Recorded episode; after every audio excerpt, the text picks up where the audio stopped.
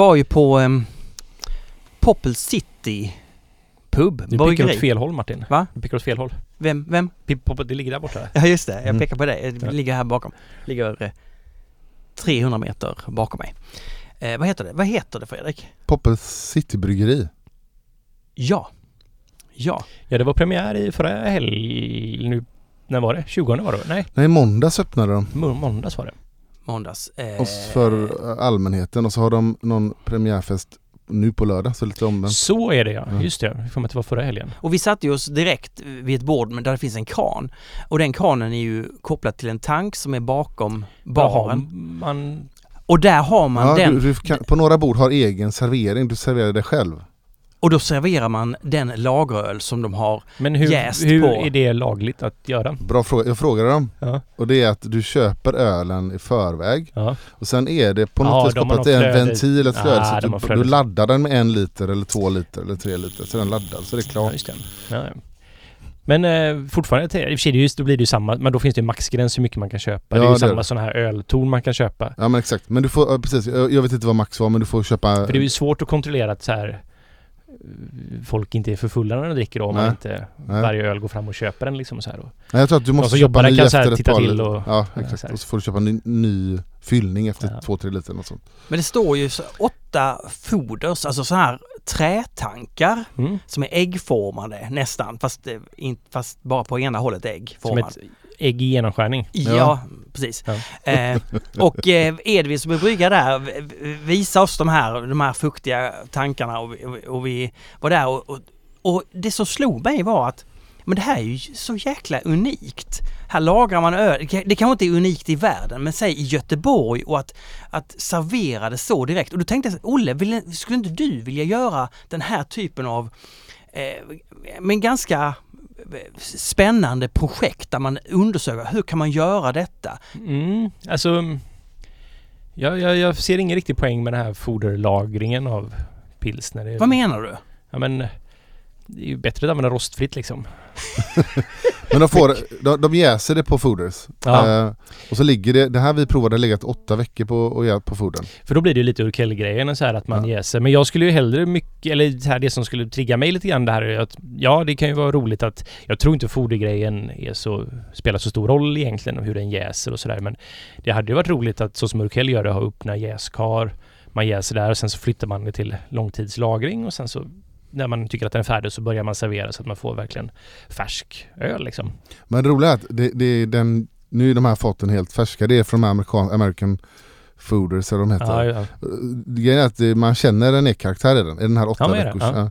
Vilket, vet ni vilken typ av... Det är ek, Amerikansk ek. Det är okej, då kommer man känna ganska mycket Ja. karaktär tänker jag. För ofta har de ju haft så här, vet jag, andra bryggerier som gör den här Urkel-grejen. Det har blivit lite populärt i USA också så här att man och att man gör den här tjeckiska Ja. Bohemian pilsner liksom hela vägen med öppna jäskar och trä. Men då är det ofta att man har någon form av lining på insidan som är så här naturlig. Och Ja. att man ofta använder tall har jag för mig. Ja, okej. Eh, Mm. Faktiskt. Men vad, de, vad Poppel säger i den här lanseringen, att det är så här. Det är väldigt göteborgskt att säga, jag tänkte på det, att någonting är världens största och sådär. Men eh, Poppel sä- säger att det är världens eh, största eh, pilsner, eh, hur formulerade men e- ekfatslagrade pilsnerprogram. Och då tänkte jag först också på Urquell. Men Mm. Urquell har ju bara kvar det där i sin visningslokal i ganska begränsad omfattning. Mm. Ehm, och sen har de ju undersökt det här genom att prata med de här American Fooders. Och, där, Mm. att, och det är ingen annan som eh, har så många fat som de jäser sin lageröl på. Nej. Enligt dem då. Men, och, Ja. Nej, det är alltså här, det kommer ju väl jag vet inte, det är alltså kallar det världens största, vet nej inte. nej, jag vill bara säga vad de har sagt och hur, hur de har undersökt det. Ja. Eh, sen finns det ju andra som jobbar på det sättet. Jag har inte provat det ölet än tyvärr, men Hill Farmstead gör ju sin pilsner. Där är, viss- men där är, precis, men där är det långtidslagring på en foder va? Mm, jag tror det. Så där tror jag de jäst på rostfritt. Och sen lager Sen lagt det där. Ja, okej. Men där tror jag det är ganska neutralt. Det är ju mer bara att man har tagit en form av att man vill prova långtidslagring och att då funkar det med de här träfaten och att det kommer ju ge en viss karaktär liksom för det andas ju lite och sådär men Ja. ja men det här var lite spännande, så de jäser på det här eh, utan tryck. Jag frågade, har inte ens lite tryck i? Nej, för att det, det handlar väl om också försäkringar från det här. det ska man nog inte ha. Nej men jag tänkte du kan ju ha något så här superlite bara, men det är ingenting. Utan Eh, och sen får de över till en tank, de trycksätter det och sen kör de över till en serveringstank som är bakom baren då.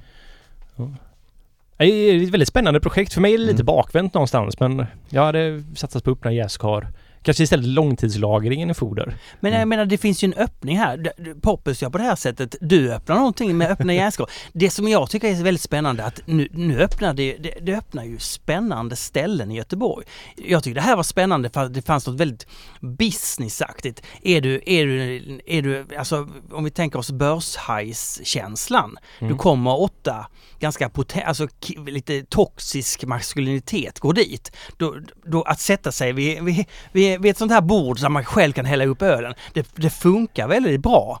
Det har lite champagnekänsla, vi tar in och vaskar, hela den, nu vaskar man ju inte då, men alltså är ni med den Ja, känslan? eh, samtidigt som det, det är ett spännande, jag, jag tyckte det var otroligt spännande att man testar det här. Man såg det också på E- Edvins eh, entusiasm att bara eh, lyckas med det här och få till Ja. den ja, här. det är en häftig idé Ja. och jag, jag tyckte det var... Och sen kan man Jag ju, gillar att man kände faktiskt lite i- sen kan man ju säga att på ett sätt är det ju lite, lite motsatsen till vad Ivans pilsnerbar är. Som har en annan, inte lika uppstyrt utan som har en annan, Fast jag tänker, det handlar mer om hur det ser ut där inne och sådär, ja menar det du, handlar va? mer Ja. om hur det ser ut där inne. När det kommer till ölen så är ju Ivans väldigt uppstyrd ändå faktiskt. Ra- Rasmus är ju en väldigt uppstyrd och hård person i, i Ivans. Men jag bara för att så här, det är inga bakterier eller någonting Nej, sånt här ingenting, utan det är ju bara ingenting. clean pilsner Ja, liksom, precis. eller lager. Och så frågar jag hur, för jag tänker så här efter Men tag, de har ett bryggverk och allting där liksom. Ja. tusen liters Braumeister, de här fodersen är på 2000 liter, så han brygger två gånger för att fylla en foder. Ja. Eh, och, och försöker komma in i någon form av eh, tempo nu så att eh, det ska ja, timingmässigt ska passa med hur mycket de säljer för de ska bara sälja det ölet där, ingen annanstans. Ingen annanstans, okej. Så, så upplägget är ju att eh, i teorin då skulle de kunna sälja 2000 liter i veckan med den här och eh, nu håller de på och eh, Edvin då labbar med recept och ändrar. Han har ju ändrat varje gång han har bryggt i tiden. Så i de här åtta foderserna är det ju egentligen eh, Åtta 70 iterationer av Ja, samma... exakt, ja, det men det är ju rimligt. Det måste man göra innan man hittar bryggverk och hur det faktiskt... Jag tänker att det blir väldigt annorlunda i... Ja, Men tanken är att de ska hitta ett recept och göra bara ja, en bärs då liksom. bara en bärs där. Det är väldigt roligt och unikt så här. Ja, Jag det är hoppas det, jag, det är så här, för mig känns det lite... Eller så här, jag hade inte vågat satsa på det själv. Nej men de sa ju själva att det är ju ingen som riktigt har gjort det här. Och det, så det, det är mycket, hög- man får bara testa hög risk. liksom. Ja. Det är hög, men det är spännande. ja, det är all heder åt dem att de faktiskt testade. Ja. Men det ska bli spännande att prova ölen. Jag kanske väntar lite med att gå dit innan jag har hittat rätt recept. Ja, jag ska till dit på lördag då. Eh, jag ska faktiskt ha kräftskiva på lördag med Ja. insjökräftor. Okej? Mycket godare än havskräftor faktiskt.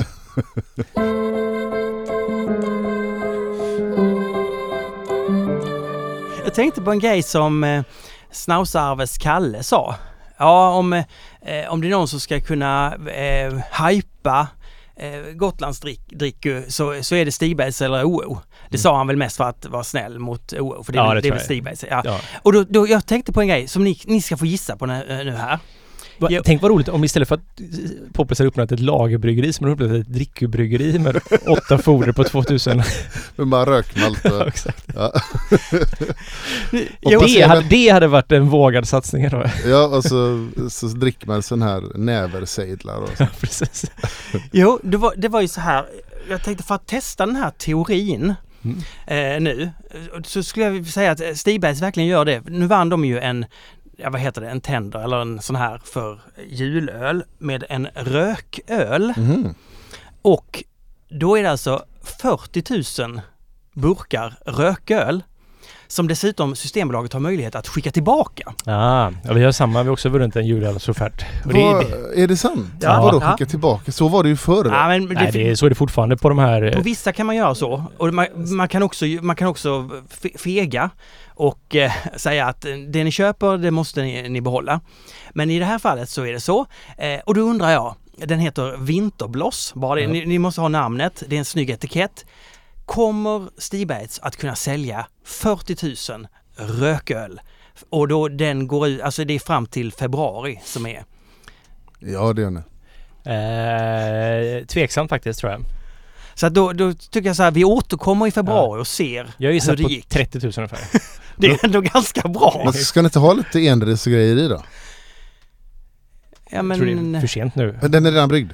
Nej men att eh, man har gjort recept, man har ju vunnit offerten och var inte enris med första gången så Ja. är det svårt att lägga till Ja, efter ni, det. har, lagt- ni, har skickat, alltså, ni har skickat in offert. Det är inte sån lansering där de inte... De har testat det med De har, man, Ja, ja. Precis, så de har ju testat ett recept eller en öl som man har skickat in. Ja men det är ju inte alltid så menar jag, att de har Nej testat. nej, men det här är ju om man har vunnit en Ja, offert. har vunnit en ja. offert. Ja. Då, måste Okej. ju, då måste ju ölen smaka likadant som Ja, ja, jag fattar. Men att de kö- när ni tvingas köpa tillbaka, hur Aj. vanligt säger ni att det här är? Nej men det är inte så. Det, Det, det, det är på alltså säsongsofferterna eh, Mm. tror jag det kan vara så. Eh, typ de som har begränsad eh, tidsspann då liksom som är så här. En vinteröl har ju lite längre tidsspann än en julöl. Nej. En julöl dör ju direkt efter jul. Ingen Intressant. köper julölen till Mm. nyårsafton till exempel. du Olle, berätta om den här eh, Golden Ale som ni har Mm, gjort nu. ja. Vad, vad är det? Vad är det? Där Alltså- har vi också vunnit en offert faktiskt. Ja. Så den, det är ju, den hamnar ju i fasta sortimentet nu. 314 butiker. Alltså, sat, den, alltså Snygg burk, det var den med hela... Ja. Ni har ju gjort en burk, tryck Ja, precis i första gången vi gör den helt. Nu vet vi att vi ändå kommer sälja för minsta orden är ju 150 000 burkar när man Ja. trycker på burk. Så då har vi, känner vi att ja, men det kommer vi sälja på ett år. Då, jag tyckte trycket på burken såg väldigt bra ut. det blir mycket bättre än vad jag trodde det skulle bli faktiskt. Det är jag lite avundsjuk. Ja, det är samma som trycker era burkar. Ja, jag vet, men ni kör med, med fasta färger. Vi håller ju på med gradienter och sånt. Och det blir alltid så kass liksom. Ja, jag tror vi, vi hade en lite mer avancerad och så sa de till oss att det här blir svårt, det är bättre att så förenklar vi lite grann och Mm. det är jag väl ganska glad för. Och ni lyssnar på dem, det, det ty- tycker jag var bra. Jag var faktiskt inte så involverad i den processen men det var väldigt skönt faktiskt. Men Ja. ja. alltså så här, i Hoppack är en, så här, det är en öl som jag är väldigt glad i faktiskt. Det var en av de, när vi startade ute på ja, Exportgatan där så ganska snabbt där, typ vi startade liksom, kom igång med bryggningen i november 2017 och i typ januari 2018 tror jag det var så jag tänkte så här nu så här, jag ska brygga en Golden Ale för jag försökte lite det på Stigberget faktiskt. Vi gjorde en för Smöf hette det va? Just Ja. det. Mm. Eh, och sådär som var en Golden Ale. Och det har alltid varit såhär, det är liksom en, det är, den är en ganska modern engelsk Mm, mm, ölstil mm. som så här kom fram på mm, typ 80-90-talet. Ja, 90-talet. Ja, för att konkurrera med då importerad lageröl som började ta över väldigt mycket så skulle man göra en ljus, krispig, enkel ale helt enkelt. Med lite humle i och sådär.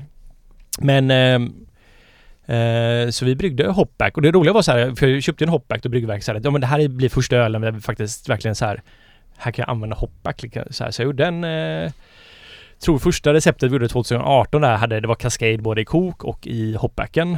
Och jag blev ganska nöjd. Den eh, sålde otroligt dåligt. Vi var ju väldigt förknippade med humleöl Mm. och att vi hade äkta pils och sådana saker. Vi hade inte ens bryggt vi började brygga pivot ungefär i samma tid där. Mm.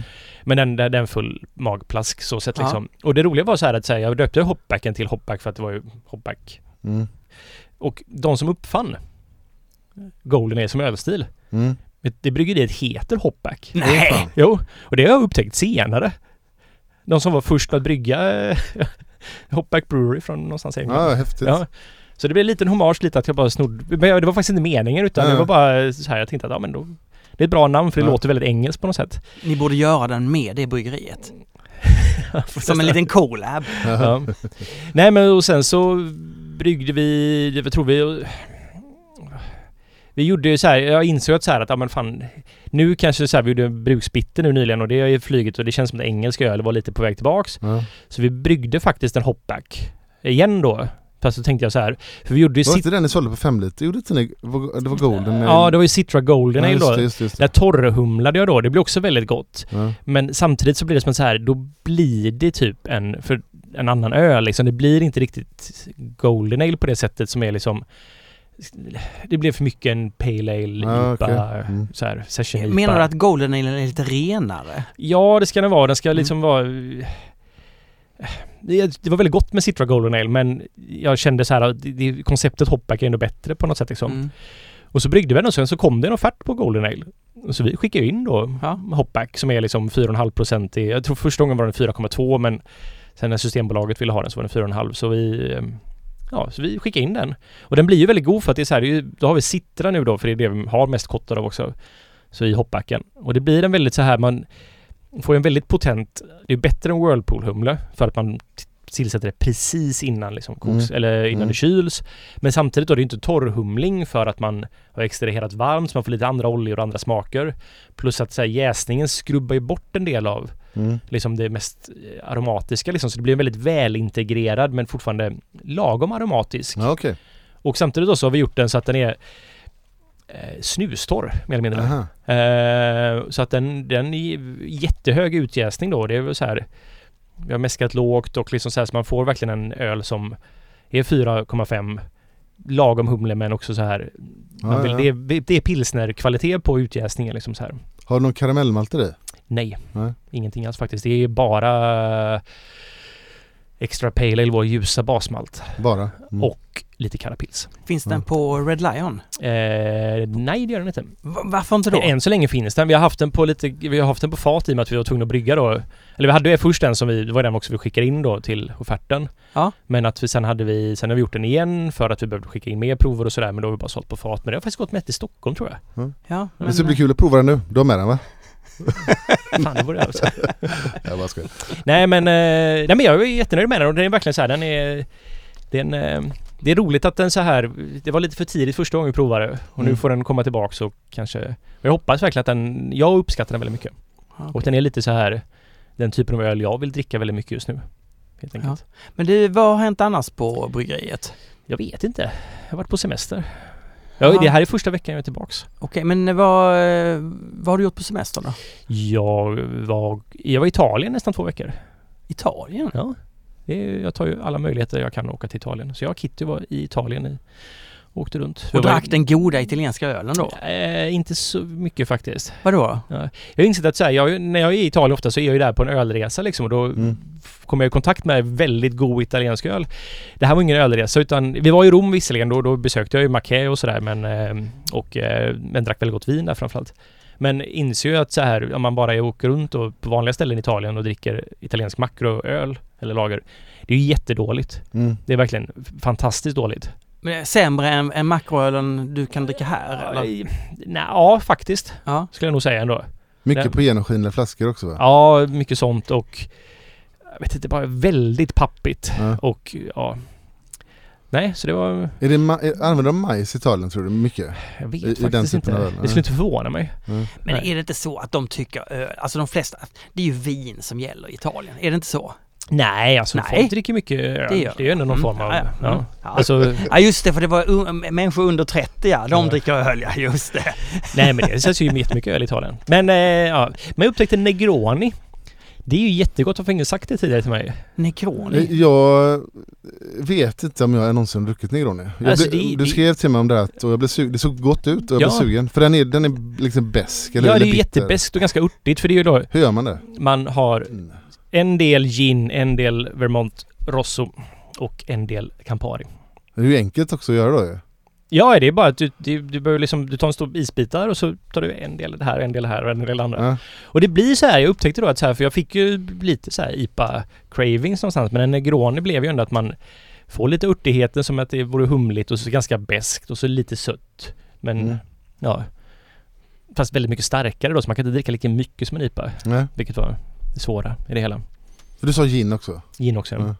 Och den hette ju Americano förut men sen så var det någon eh, någon i Florens som det var slut på eh, det var slut på vad, vad de hade innan gin i den. Ja. Det så bytte han ut då det som var, sl- det var slut på till med gin då Aha, och så uppfann han, han hette Negroni eller något liknande. Ah, Okej. Jaha, så det är din nya favorit? Jag kommer Dricka. att vi drack ett Mm. öl som heter Ja. Negroni som vi gillar väldigt mycket från, när vi pratade om Italien. Från, eh, Ja, ähm, äh, Tipo Pils, ja ja, precis. Brificio Italiano. Ja, den med rökt humle Rökt lö. Just det, eller rostad humle var det. Rostade de då. Ja, precis. Den hette Negroni. Ja, men det kan jag ändå tänka mig att de har, eh, alltså att det är en väldigt populär drink i Italien märkte jag. Mm, mm. Men det är maten då? Mm. Alltså är, kan, min fördom säger att it, ma, italiensk mat är enkel. Du får liksom en liten köttbit där och så något annat där. De ligger bredvid varandra och det är inte så avancerat. De, de vill att råvarorna ska tala och det är ju rent trams. Alltså fransmännen vet ju hur man blandar ihop smaker och man Ja. får Alltså, Jag skulle väl hävda att italienarna vet det också. Ändå. Vet de det? Ja, det skulle jag säga. du säger det? Ja, men det är mycket finess i italiensk matlagning då. Nu, ja, Mm. med råvarorna? Med, med råvarorna och tekniker också kanske också framförallt. Nej men det, är- det är också det som jag älskar Italien för att så här, det är ju, den lägsta standarden på maten är ganska hög. Ja. Och du, vi åt otroligt gott. Vi hade ganska tur med att hitta väldigt bra restauranger också. ja. Chanserna eller har ni researchat? Eh, Jag researchade en del ändå faktiskt och så. Men eh, både i Rom och på den ön vi var. På ön var det svårt men där hittade vi ändå några bra ställen och åt fantastisk havsmat. Mm. Och sen så i Florens framförallt. Eh, det är ju väldigt, de har ju sådana här vildsvinsragu där som är Mhm. det är ju, alltså, om man gillar ragu så är vins- vildsvinsragu ännu godare. Fan. Och sen så är det mycket så här, de har ju inälvsaperitifmat eller så här som Mm. förrättsmat och sådana saker tycker jag är gott. In, du skulle gilla det ja. Men det bästa med semestern är ändå att man hittar ketchupchips. Så det hittar jag i Florens. Men jag har faktiskt med mig det så ni kan få testa. Ja, Och det, var det, det, här, det här är det sjukaste ögonblicket. Ketchupchips. Alltså dina smak... Ibland undrar jag hur du kan vara bryggare och, och lyckas. Men det kanske är det här att du har sån annan... Så det här är ju då, hittar vi i Florence. Det här är ju Mm. Ruffles, det är ett kanadensiskt okej. tror jag. Mm. Eh, och deras eh, ketchupchips. Det här tycker jag är de som är Bäst. Ja. Matt då, bryggare som är kanadensare, han drar med sig typ tre olika. Och det var något som hette Von Dutch eller liknande. Mm. Som också var väldigt goda. Men eh, nu, den här påsen sprack när vi flög hem. Ja. Eh, så att det kanske har blivit lite... Oxiderat. Ja. Men jag har hållit borta från solljus och sådana saker. Ja, det är bra. Men jag har haft en sån här klämma på hela tiden så det...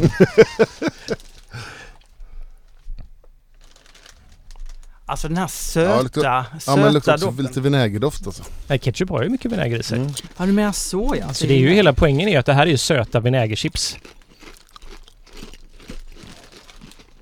Ja, Ja. det är det. ja, det var gott. Nej, Jo det var det. nej. Nej, jag, jag är mycket nöjd. Mm. Innehåller den äh, glutamat? Vi får. Jag letar nämligen efter glutamatchips. Du vet där du sa att det fanns, trodde att det fanns i Nordstan. i den här- Ja, Saigon. Ja, asiatiska där. Så jag gick dit med mina barn. Eh, och letade. Det var så roligt. Det som hände var så jävla roligt. Men då insåg att mina barn har varit i för lite sådana miljöer. Och de fick lite, jag märkte att de fick lite ångest av den miljön där nere. Men den är ju ljus... ja, så här, men så här, det finns ju inget ljus, det är vitt ljus och så finns det mycket konstiga, här inpaketerade konstiga djur. Ja, det är så här brutal mat, asiatisk matmarknad där i Nordstan. Jag tyckte att det luktade äckligt och jag märkte att de blev obekväma så här. Men känner du att du lite har misslyckats som förälder? Eller du har, du har ett Ja, jobb men- kvar att göra Så kände jag. Ja. Vi måste besöka mer bisarra ställen kände jag. Men hittade du MSG-chips då? Nej, det gjorde jag inte. Uh, de hade inte så jävla mycket ha, bra Man chips. brukar ha småpåsar så här Lays. Jag hittade, eh, jag hittade lite så här, ja men har Lays MSG? De, de små har det. Ja, där. Jag hittade massa, massa konstiga räkchips och sånt så jag köpte inget. Men Nej. eh, De är, de, de är, det krävs en... Vad ska man säga? Man man behöver ha en eh, palett för det. ja. Men eh, MSG, vad är det? Det är mono, mono, vad heter det? Monosackarid glutamat någonting. glutamat. Ja, just det. Som är förbjudet i Sverige. Nej, det är inte alls förbjudet. Det är det inte alls. Nej. Nej men det var en debatt om det som gjorde att alla tog bort det va? Var det inte Ja, så? det blir ju en sån moralpanikgrej nästan typ kring det att det här var superfarligt. Vilket är ett totalt missförstånd liksom. Och du älskar MSG? Alla gör det. Det är inbyggt i vår genetiska kod att vi ska älska MSG. Det är ju det som är Ah. liksom så här, Mm. alltså umami-smaken är typ MSG. Just det. Det är ju det som, ja. Det är jättegott i det. Ja, men Mm. nu tar vi kaffe. Jäger på ringen fulltid nu eller? Ja, Jagge är på ringen. Fulltid. Han brygger den eller? Han eh, brygger och han är kvalitetsansvarig, kollar syrenivåer. Syrenivåer. Mm. Det är djävulens påfund. Nej men Fosters är väl bäst i världen på syrenivåer eh, eller? Alltså det här med att äta chips i sändning, Fredrik. Jag, vet eh, att det är Det är ju så här ASM, vad heter det? Och ASMR. Ja, precis. Ja, ja. Tugga på chips i bra mikrofoner. Ja, just det. Det borde ju Estrella göra en podd om. Ljudet? Ja, bara ha en podd om... eh, Chipsljud? ja. Här är grillchips. Så låter så här. Olika typer av munnar Ja. och så. Men där kan ju Estrella ringa mig. Mm. Jag är riktigt dyr alltså. Men man får ju ett hantverk också. Nej, eh, konst, konst, nej, inte hantverk. Det var ju Äkta Pils som var hantverk. Jag sökte konstnär. Jag lyssnade på min Kvasiplatta. Ja. Den är svinbra! Ja, du jag också lyssnade Ja. på den i, någon gång i, när var det? Eller så här, jag skulle vilja lyssna på en låt så jag vill bara så här och så Ja. blir det att man lyssnar igenom en del. Alltså jag tycker ni borde använda er av det. Även om de, de alltså jag tror mycket på de här lite negativa, att vi ska hälla ut alla. Det, det finns någonting i det tror jag som skulle väcka människors törst. Mm. Och direkt gå och köpa äkta pils. Jag vet inte. Pivot jävla pils. Mm. Där har ni någon, en riktigt Ja, bra är- tagline. Det är faktiskt sant. Eh, skulle jag... På tal om äkta pils, jag drack eh, på Red Lion i förrgår. Och så drack jag Jever på fat där. Ja. Och det är väldigt för när man dricker Jever på flaska liksom så är det alltid grön smak. Mm. Det är den här liksom, ja, lite skunkiga grejen Ja. eh, som är ljusskadat. Men det var väldigt roligt att dricka den på fat faktiskt. Var, var den godare tyckte du? Ja det var den, det var den faktiskt. Och den var, men den var, den var pappig var den Mm. dessvärre. Men den har ju en väldigt fin humletouch ändå. Ja. Som är uppskattar väldigt mycket. Så att luktar man på den, det var mer bara så här att man fick den här liksom maltighetsoxideringsgrejen som ah, den, den behöver, den är inte så farlig egentligen. Nej. Men vet man om att den finns så här, men då stör man sig på den. Men det var, jag uppskattar den väldigt mycket. ja det är väldigt gott öl. Mm. Den har lite, lite lakritsbeska gillar jag. Ja. Men det var länge sedan jag drack det på fat nämligen. Så det var Mm. roligt. Jag såg att du drack eh, Hälsingepils. Hälsingepilsner. Ja, det var ju förra veckan. Hur var det då? Eh, det var gött. Eh, jag hade en sån, min, jag var ju tillbaka från semestern förra veckan så jag var på kontoret, eller på Mm. bryggeriet heter det. Inte kontoret. Jag var på både kontoret och bryggeriet. Men på måndagen och sen på tisdagen åkte jag och Kristoffer och var säljare upp till Uppsala. Ja. Och hade tap takeover på ett ställe som heter Taps. Taps ja. Ja, det var jättetrevligt. ja. Och så sen åkte jag vid till Stockholm, gjorde leveranser och jag hade lite möten och sådär. Och så då passade jag på att dricka öl som man bara hittade i Stockholm. Ja, ja. Typ de sista Skeboölen och sådär bland Mm, annat. mm. Eh, och eh, där, där pratade de om lite om att han kanske skulle sälja det till någon som skulle ta över. Jaha. Fattade jag det som. Eller så Okej. missuppfattade jag men jag, ja. Det var, eller jag kanske glädjehör eller så här, jag, vill, Ja, ja. jag hör vad jag vill höra. Var det på OT då eller? Jag var på OT ja. Ja. Eh, så att, nu ska jag inte sprida rykten som är helt osanna här. Det kanske var att jag bara... Jag förstår. Ja. Ja. Men, Men- Men, eh, du drack öl på andra ställen i Stockholm? Det gjorde jag också. Så att... Eh, Var du imponerad? eh, ja det var jag. Ja. Ja, så att... Eh, vadå då? eh, Jag var på, jag var på Summa, jag var på Akkurat och jag var på Oliver Twist. Mm. Det var, Ja men det är ju bra. De kan ju servera öl på... ja verkligen. Men jag, för jag tänkte när jag såg Hälsinge pilsner så blev jag helt varm i magen som jag blir. Mm. Alltså det är någonting med, med eh, Hälsinge ångbryggeri eh, och framförallt Närke. Någonting har hänt i mig. Jag var på ölstudion och så köpte jag lite olika öl och jag köpte bland annat Närkes Bitter och Märtsen. Och de har legat i kylskåpet. Jag eh, dricker inte jättemycket öl, men att ha dessa två öl i kylskåpet känns som en så jäkla lyx. Så jag inser att Känns det som en trygghet liksom? det känns som att jag har två sådana Antikapitalistiska ölmärken i kylen. det, är, det du gillar? Att det är icke-reklam? Jag, gill, jag gillar Närke, Närkes varumärke, Närkes som bryggeri, det de har gjort. Eh, visst, det är väl det antikapitalistiska förmodligen, för min del. Men jag tycker de, är så, de har gått sin egen väg så jäkla starkt, Mm. alltid. Och de har inte fallit offer för att vi ska bli stora eller någonting. Nej, vi ska göra öl som vi gillar på vårt sätt. Och flaskor, jag älskar... Alltså jag, jag har blivit en bur- burkhatare. Jag hatar burkar. Jag tycker det är så jävla B med burkar. Det, är, det finns ju någonting med flaska, jag håller med dig. Jag men jag har aldrig släppt flaskan riktigt så här utan den... eh, Den är god ändå faktiskt. Ja, när burken har blivit så dominerande så blir flaskan en... eh, Ja det blir ju något speciellt med det. Ja. Men jag gillar verkligen, ni, du tycker den är så sjukt ful. 50 centilitern som är med i ditt Åh, huvudsystemet. herregud. Ja, Men den är för mycket sunköl för dig bara liksom. ja jag, jag tänker för mycket så här stadshotell och Ja. ångest. Ja, jag gillar den formen faktiskt.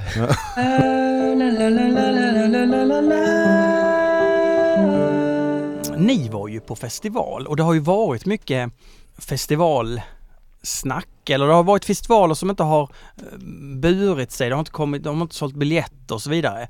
Men ni var på Bruskival som var precis. Mm. Eh, Ja. Berätta. Jo men det var, det var ju en fantastisk festival. Jag får ju uppfattningen om att alltid när man hör utsagor om så är det som att Bruskival är, det är festival nummer ett i Sverige. Ja det är det väl skulle jag säga. Alltså upplevelsemässigt. Ja, Att, det är alltså både miljömässigt, man är utomhus och det är liksom... Och någon, alla år jag har varit här, jag missade ett, ett år tror jag det är. ja. Så alltid varmt. Ja fint väder har de lyckats med. Och eh, ja men man är utomhus, står under tält och det är liksom på grusplan och man är precis i det här väldigt charmigt industriområde som är utanför. Men utomhus måste ju göra jättemycket. Ja men det gör det. Ja. Och så är det ju väldigt bra bryggerier och Ja, det alltid väldigt roligt att så här, träffa folk som man i branschen och sådär. Så att, Är det bryggerier från hela världen eller? mm, det är det. Ja. Det är ju framförallt fokus på kanske norra Europa och eh, USA. Då. USA. Ja, och då framförallt Ja men Miami-bryggerierna har alltid haft en, eller så här Florida-bryggerierna då. Vilka är Mm. de? Angry Share och... Jag, Ja, jag så tidigare år var ju, ja, de har inte varit med nu, tänker på, vad heter det som allt, Jakefield. ja, ja, de, ja det är möjligt att de, men, men allt som mycket centrerade kring runt Miami är helt enkelt eh, ja, Tampa, Ja, Cigar City. Cigar City ja. Mm. De var ju kanske det första som var med därifrån på Var? Många, ja, Ja, han, han, var ju, han, han, blev ju en Sverigevän det uttrycket är roligt. Bryggan på, Just det, det var ju första året som Bruski Ja. fanns hus var det All In Bruski och Cigar City med, vad heter han nu igen? J- Eh, Jan, jag kommer inte ihåg. eh, ja, Väldigt speciell Ja. kille. Ja, han är jättetrevlig men han är Ja. väldigt, han är, han li- väldigt bestämda åsikter om saker och ting. Ja. Lite fyrkantig kanske man Och kan han kalla gick ju runt, det var det vi pratade förut, och vapade så här på All Ins andra år, 2014 när de var i Ja. den här konstiga lokalen på. Eriksberg. Just det, ja. Gick han runt och var en lite kufig. Ja, det är en, jag älskar Bruskval. Det är min favoritfestival i Sverige. Jag, jag gillar det, att det blir liksom lite skönt utomhus. Och särskilt de första åren så tyckte jag att det var så rolig roligt att det var vanligt folk där. Det låter dumt men det är en nördfestival, det är en inbjudningsfestival så det är verkligen så hypade bryggerier. Och så var den satt i Helsingborg. Mm. Vilket gjorde att det var mycket så lokal, lokalbefolkning såklart som var där och som inte var ölnördar. Det blev en jätteskön mix tyckte jag. Det är ganska mycket folk på den här festivalen så det är säkert en 6-7 tusen som kommer under två dagar. Medan typ så All In Brewing och sådär, det blir väldigt, eller All In Beer Fest, det är ju väldigt, det kanske är 500 per dag ungefär liknande. Mm. Så det blir ju väldigt så här, ja det blir väl ölnördarna plus då bara mycket vanligt folk, vilket är väldigt uppfriskande då faktiskt. Ja. Jag tänker på den italienska eh, i Rom. Mm, Europe ja. ja. som också hade mycket vanligt folk. Mm. Barnfamiljer också i och för sig. Ja. Eh, det kanske det inte var på Bruskival. Nej. Nej, de, de har inte riktigt nått hela vägen dit. Nej. Men och, hade ni några speciella bra upplevelser där då? Eh, jag, säga? jag, var lite, i och med att jag förra veckan då, första veckan var tillbaks på, från semester och så mm, hela veckan reste jag ju bara runt så jag var, jag var lite socialt trött när jag kom till Helsingborg faktiskt. Så jag, på fredagen så höll jag mig ganska jag stod mest och serverade öl och gick runt lite grann och hälsade Mm. på folk och sådär. Men drack inte så mycket öl. Sen så gick jag runt med Fredrik på lördagen en stund och vi gick ju lite in för att prova saker vi inte bara skulle ha provat förut. Mm. Vilket vi misslyckades totalt med. Men eh, jag, vi stod bredvid ett bryggeri så jag, naturligt så drack jag lite av deras öl. De Vilka var det? New Barnes från eh, Ja. Edinburgh. Gör väldigt trevlig så här lågalkohol, sessionöl, pilsner, Mm. så här, ja, golden ales liknande och Ja, de hade till och med lemonadöl som var någon form av Radley-grej. Ja. Som var liksom, ja, det var jättegott var det. Ja. Och det var ännu godare om man Passa i värmen där Ja, också. verkligen. Så blanda. Men det var så här, det var liksom lemonad på det här goda sättet liksom. Mm. Det smakade fortfarande lite öl. Mm. Utan att så här, men det var... Och så var det så här uppfriskande. Men det var ännu godare om man blandade ut den med deras pilsner. Ja, Så det blev ännu mindre lemonad i det hela. ja okej. Men de är, och de är jättetrevliga och det var... Ja, det var roligt att få Är det prova. ett par som driver Ja, det är det precis. ja, man ja. vet vilka det är. Och jag har fått se en bild på Bryggberg om Olli var där. Ja. Ja. Erika visade en bild, så kan det varit. Det stämmer, det stämmer. Och att det är något sånt här, han har byggt ett eget bryggverk som ser ut som ett steampunk-projekt. Och man bara säger, jag vet inte ens vad de här grejerna gör. Nej. Ja, när de, när, när de ville, när de skulle collaba med Stigbait så ville de absolut ha något svenskt i. Så då blev det MR-vete. Mhm. Eh, som de, de, de var noga med det. De, de kanske till och med ville ha det ekologiskt men det Vad hette det ölet? Vad var det för? For MR. Okej. Ja, den lageröl har jag för mig. Jag har för mig också att det var Mm. eller? okej. Med lite mer karaktär. Ja, ja. Okej, men Ja men det var, det var, de stod ju bredvid där så att, men eh, annars så för mig är de här grejerna oftast ganska mycket att man faktiskt får träffa ja. personer och nu var det ju lite speciellt då att man knappt har träffat eh, ja men så här, andra bryggerier på tre år. Så Men vad det- är det, så att mm, det här är, en, det här är liksom en, en eh, festival som kommer att fortsätta kunna dra folk. Den verkar ju vara liksom etablerad Mm, det- Någonting som både vanliga, vanliga ja, men den, människor den har ju en hög bryggare. Ja. Och framförallt som bryggerier vill vara med på. Ja. Mm, Och det precis. är verkligen många som inte får vara med men som skulle vilja vara med. Det är, det är ju en inbjudningsfestival. Då. ja, men det, för det är intressant. För, eh, för vi har ju dels de här stora mässorna, alltså Stockholms... Eh, Får får bara nämna en rolig grej. Manuele var ju där. Ja, han som jag, har du Euro. sa det, jag ja. missade det. Ja, Vi träffade aldrig honom. Nej. Nej.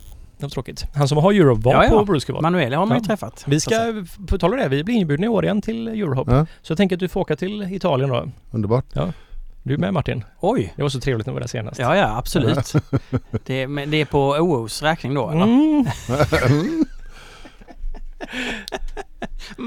Finns väl Patreons-pengar för sånt eller? Ja. Ja, ölpölens eh, eh, pott. Hur- men, men, men vad tänker ni om festivaler och mässor framöver? Alltså vad, vad är det som, vad är det som kommer... vad- Ja, det, har varit en, det har varit en diskussion sista tiden. Eh, jag såg att Bernius hade en sån sommarenkät. De frågade ölfolk vad de tänker om ölfestivaler generellt och sådär. Och vad som kommer hända framöver. Och, för det är som du säger Martin, många går ju inte särskilt bra nu. Folk har inte riktigt kommit igång med det. Konsumenter alltså, att besöka och så- och att det finns så pass mycket så att det blir en konkurrens både om Mm. bryggerier och om besökare. Men i de här kommentarerna så märker man det finns ju ganska tydlig, och det har funnits länge, kritik mot de stora mässorna som är med kommersiellt drivna mässor där vem som helst får vara med, man får betala ganska mycket pengar och vara med. Ja. Mycket pengar, man, ja, tycker en del. Ja men det är ganska dyrt faktiskt. Ja, men du kan, också, du kan också tjäna pengar om du, är- om du, om du gör bra Det grejer. är så kan lite designat pengar. som man går plus minus noll i stort Mm. sett. Så här. Man går runt på det. Men, Om man inte då- räknar sin egna arbetstid. Ja, och den typen av mässor är ju då tänker jag på, det är både Stockholm Beer and Whisky men även Göteborg, den whiskymässan. Det är de två stora så här, kommersiella mässorna. Och, och den typen av mässor har ju senaste åren fått rätt mycket kritik, framförallt av ölnördar och sådär. Vilket jag kan ibland känna är lite orättvist faktiskt. För att man får också förstå vad det här är för typ av mässa och vad dess roll är. Det är inte en eh, mässa som ska som introducera en one-off öl för nördar utan det är ju liksom en marknadsföringsmässa för bryggerier där eh, faktiskt väldigt mycket nya konsumenter upptäcker att öl är spännande. Precis. Det är, mm, det är ju tack vare Stockholm Öl Whisky har ju gjort att Verkligen. jag öppnar upp eh, mitt ölintresse jätte- jättemycket. Samma för mig liksom. Ja. När jag sprang där. Och det är ju högt och lågt på den typen av mässor. Ja, vi, vi, vi, vi, vi kör ju bara Göteborg för att det är ju här vi är. Ja, just det. Det tar så mycket energi att arrangera eller vara med och liksom i och med att man måste styra upp en monter så vi har valt att det blev för mycket när vi gjorde det i Stockholm också liksom. Eh, men att eh, det är ju otroligt värdefullt. Det finns ju ingen så här fräckhet med det någonstans eller så här att det nej. finns ingen sån här hypebyggande riktigt utan det är ju för att nå konsumenter på nya konsumenter egentligen. Ja. Och ehm, sen så tycker jag att det alltid är väldigt roligt att faktiskt kunna visa upp den bredden man har.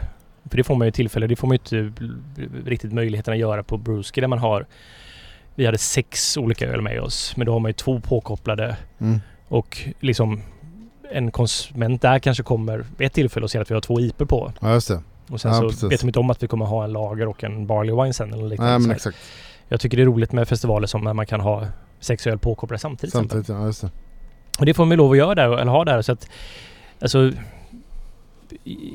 det finns ju en... Allmänt i branschen så upplever jag det som att bryggerier är... Det var för mycket ölfestivaler förut. Mm. Och det var för mycket ölfestivaler som var väldigt mycket samma. Mm. Som är någon form av bygger på den här Extreme Beer Fest-grejen. Att man har med sig två öl som är de mest vansinniga. Det är de mest insatta som kommer på dem. Jag kände mig som ett kringresande cirkussällskap ibland när jag åkte runt i Europa på festivaler. Helg, varje helg liksom var man en ny stad och det var som så här. Ja, vi sågs ju förra veckan. Samma just- personer. Fast nya personer som kommer till festivalen då för att komma ett land. Och den tror jag, det kommer nog lugna sig rätt mycket jag tror många bryggerier kommer säga nej till de grejerna. Mm. Det var ju en ära att bli inbjuden till de flesta av de här grejerna så man kunde ju inte riktigt säga nej heller. Nej, nej. Men jag tror bland bryggerier så kommer det nog vara att man, man väljer lite mer. Ja. Och jag tror även konsumenter har tröttnat lite på det. Medan jag tror det finns en ganska stor marknad för ändå. Det finns ju väldigt många av de här eh, typ Stockholm och Göteborgs öl och whiskyfestival runt om i landet. Jag har aldrig varit med eller varit på någon av de andra. Förutom Malmö en gång. ja just det. Men att så här, jag tror den typen av... Jag tror De de har sin plats liksom. Ja det har de, men jag tror att de kommer få svårt de som är de små festivalerna i det segmentet Precis, precis. kommer nog få det svårt. Alltså jag tycker det skulle vara intressant. Jag tänker på med. Jag tänker på Portofestivalen. Mm. Alltså nischade festivaler där man kan gå och... Tänk ja, men en lagerfestival som, som är... Den kan ju vara over the top på ett sätt men där, man- där, man, där man har ett fokus på en stil eller på, en, på någonting som är... Mm. Ja. Absolut. Nej men, och, jag, men här, som sagt, jag, jag tror det varit för många av de här eh, i Göteborg, eller i Sverige så har vi ju All In Beer Fest och Brewsquall som är de två stora. De tror jag kommer finnas kvar. Det är så här. Men det känns som det varit lite för många sådana här små festivaler som är ungefär det fast Mm. inte riktigt där. Och det var ju så här, för två helger sedan så var det ju Two World skulle ha en festival. Och där var det ju jättebra bryggerier som var med och skulle komma. Men där sålde de inte biljetter till den här festivalen så att de ersatte ju festivalen med en eh, det skulle varit ute vid deras bryggeri då utanför Köpenhamn. Eh, men att eh, de, då valde de att ha ett en stads, endagar stadsfestival då i, vid Brus istället i, Ah, okej. i Örebro. Mm. Så tydligen var jätte, jag kunde tyvärr inte vara där men det var jättetrevligt tydligen. Det är ju sjukt trevligt bruskvarter område- Ja, där. precis. Mm. Men eh, där blev jag ju ändå förvånad att de sålde inte biljetterna till det här. Nej. Vilket ändå... Ja. Och jag fattade så hade Mikkeller Beer Celebration lite svårt att sälja biljetter i år också. Ja. Men jag ska inte svära på det. Men är inte marknaden lite mättad helt enkelt? Alltså att det, det, det är väl klart att det, det, kan, det kan ju finnas en topp av intresse som sen har sjunkit lite grann och då, då får ju bara... Jo men verkligen och jag tror det är så här Det är inte det ny, den nya ölkons eller så här, den nya ölkonsumenterna är ju inte riktigt samma som eh, de mest intresserade ölkonsumenterna var de senaste åren. De åkte ju på festivaler men nu börjar de bli lite äldre. Mm. Då kanske de, ja men nu väljer jag bort, jag tar de, jag fokuserar på de bästa festivalerna istället för att åka på alla Ja, liksom. precis. Eh, Medan den nya konsumenten tycker kanske bara att ja men det är ju gött med öl och förväntar sig att det finns lite överallt och kanske inte så här varför ska jag gå på en ölfestival och dricka bara stark öl? Ja, precis. Och sen tror jag att det finns nu en effekt av det som pratas så mycket om med lågkonjunktur och ökade kostnader.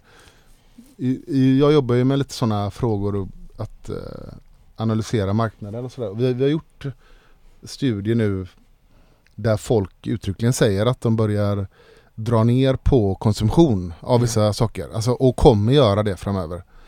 Och inte bara liksom att man säger utan att man också faktiskt börjar göra det. Och då tänker jag att då väljer man väl bort även, för att gå åka på en festival det är ändå lite lyxkonsumtion liksom. Precis. Man kanske istället, jag skulle ju kunna tänka mig att eh, Systembolaget försäljningen går upp lite i sådana fall. Mm. För att man, det är Ja. billigare, enklare att så här, då tar jag Mm. lite, satsar lite mer på det här. Ja. Så här men jag, får- jag får ändå ut någonting av det fast jag missar upplevelsen utan jag får Ja, varan helt enkelt. precis. Och hembryggning kanske boomar igen för den boomade ju verkligen under pandemin. Sen gick den ner Ja. lite grann tydligen och det kanske kommer igång nu igen när folk vill göra billigare öl hemma. Hembryggning. Har ni lyssnat förresten på Hembryggning i Halleluja på länge? Jag är två avsnitt eh, bak är jag. Är du? Ja. Ja. Uh, ja, jag har missat, jag har missat några avsnitt nu. Är de lyssna. fortfarande Sveriges bästa ölpodd eller? ja men det är de faktiskt. Det är de, ja. ja. Eh, men vad tror ni Det är då sån om... kvalitet på det ljudet i den podden så att det är så här, det är ju det som gör det liksom. Det vet vi, alltså öronen ljuger inte.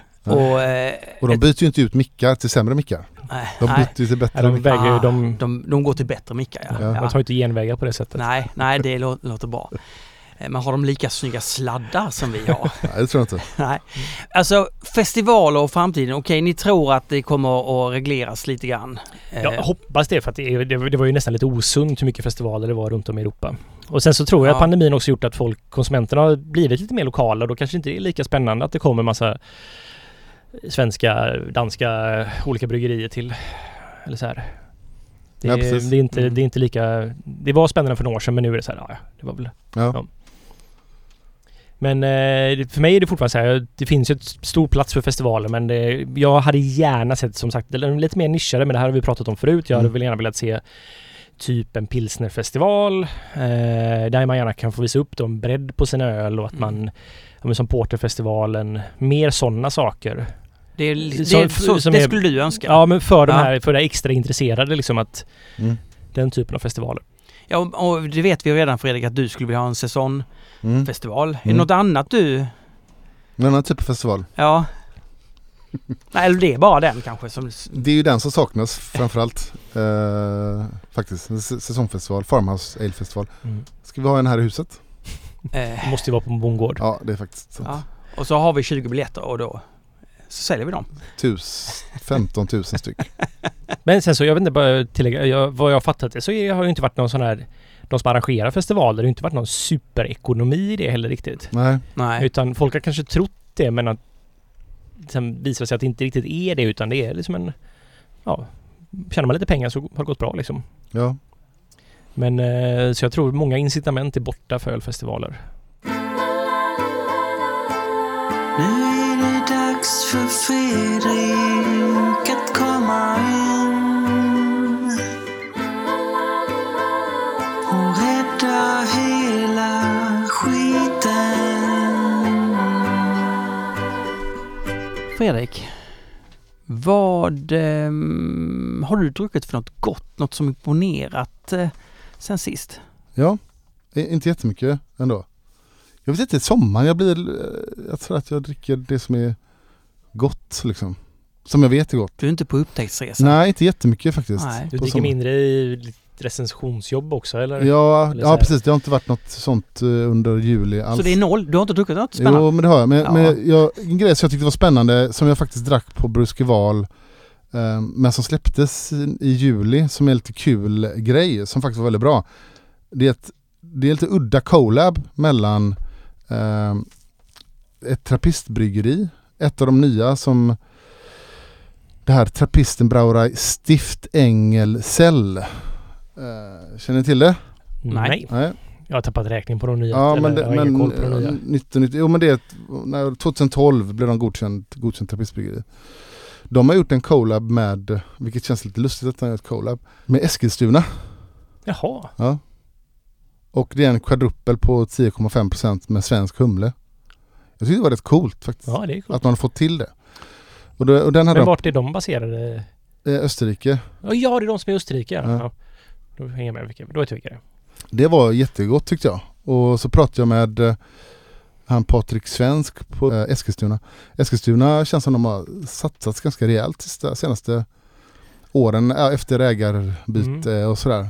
De känns som att de är på G och gör bra öl tycker jag. Bra, mycket bra belgiskt och sådär.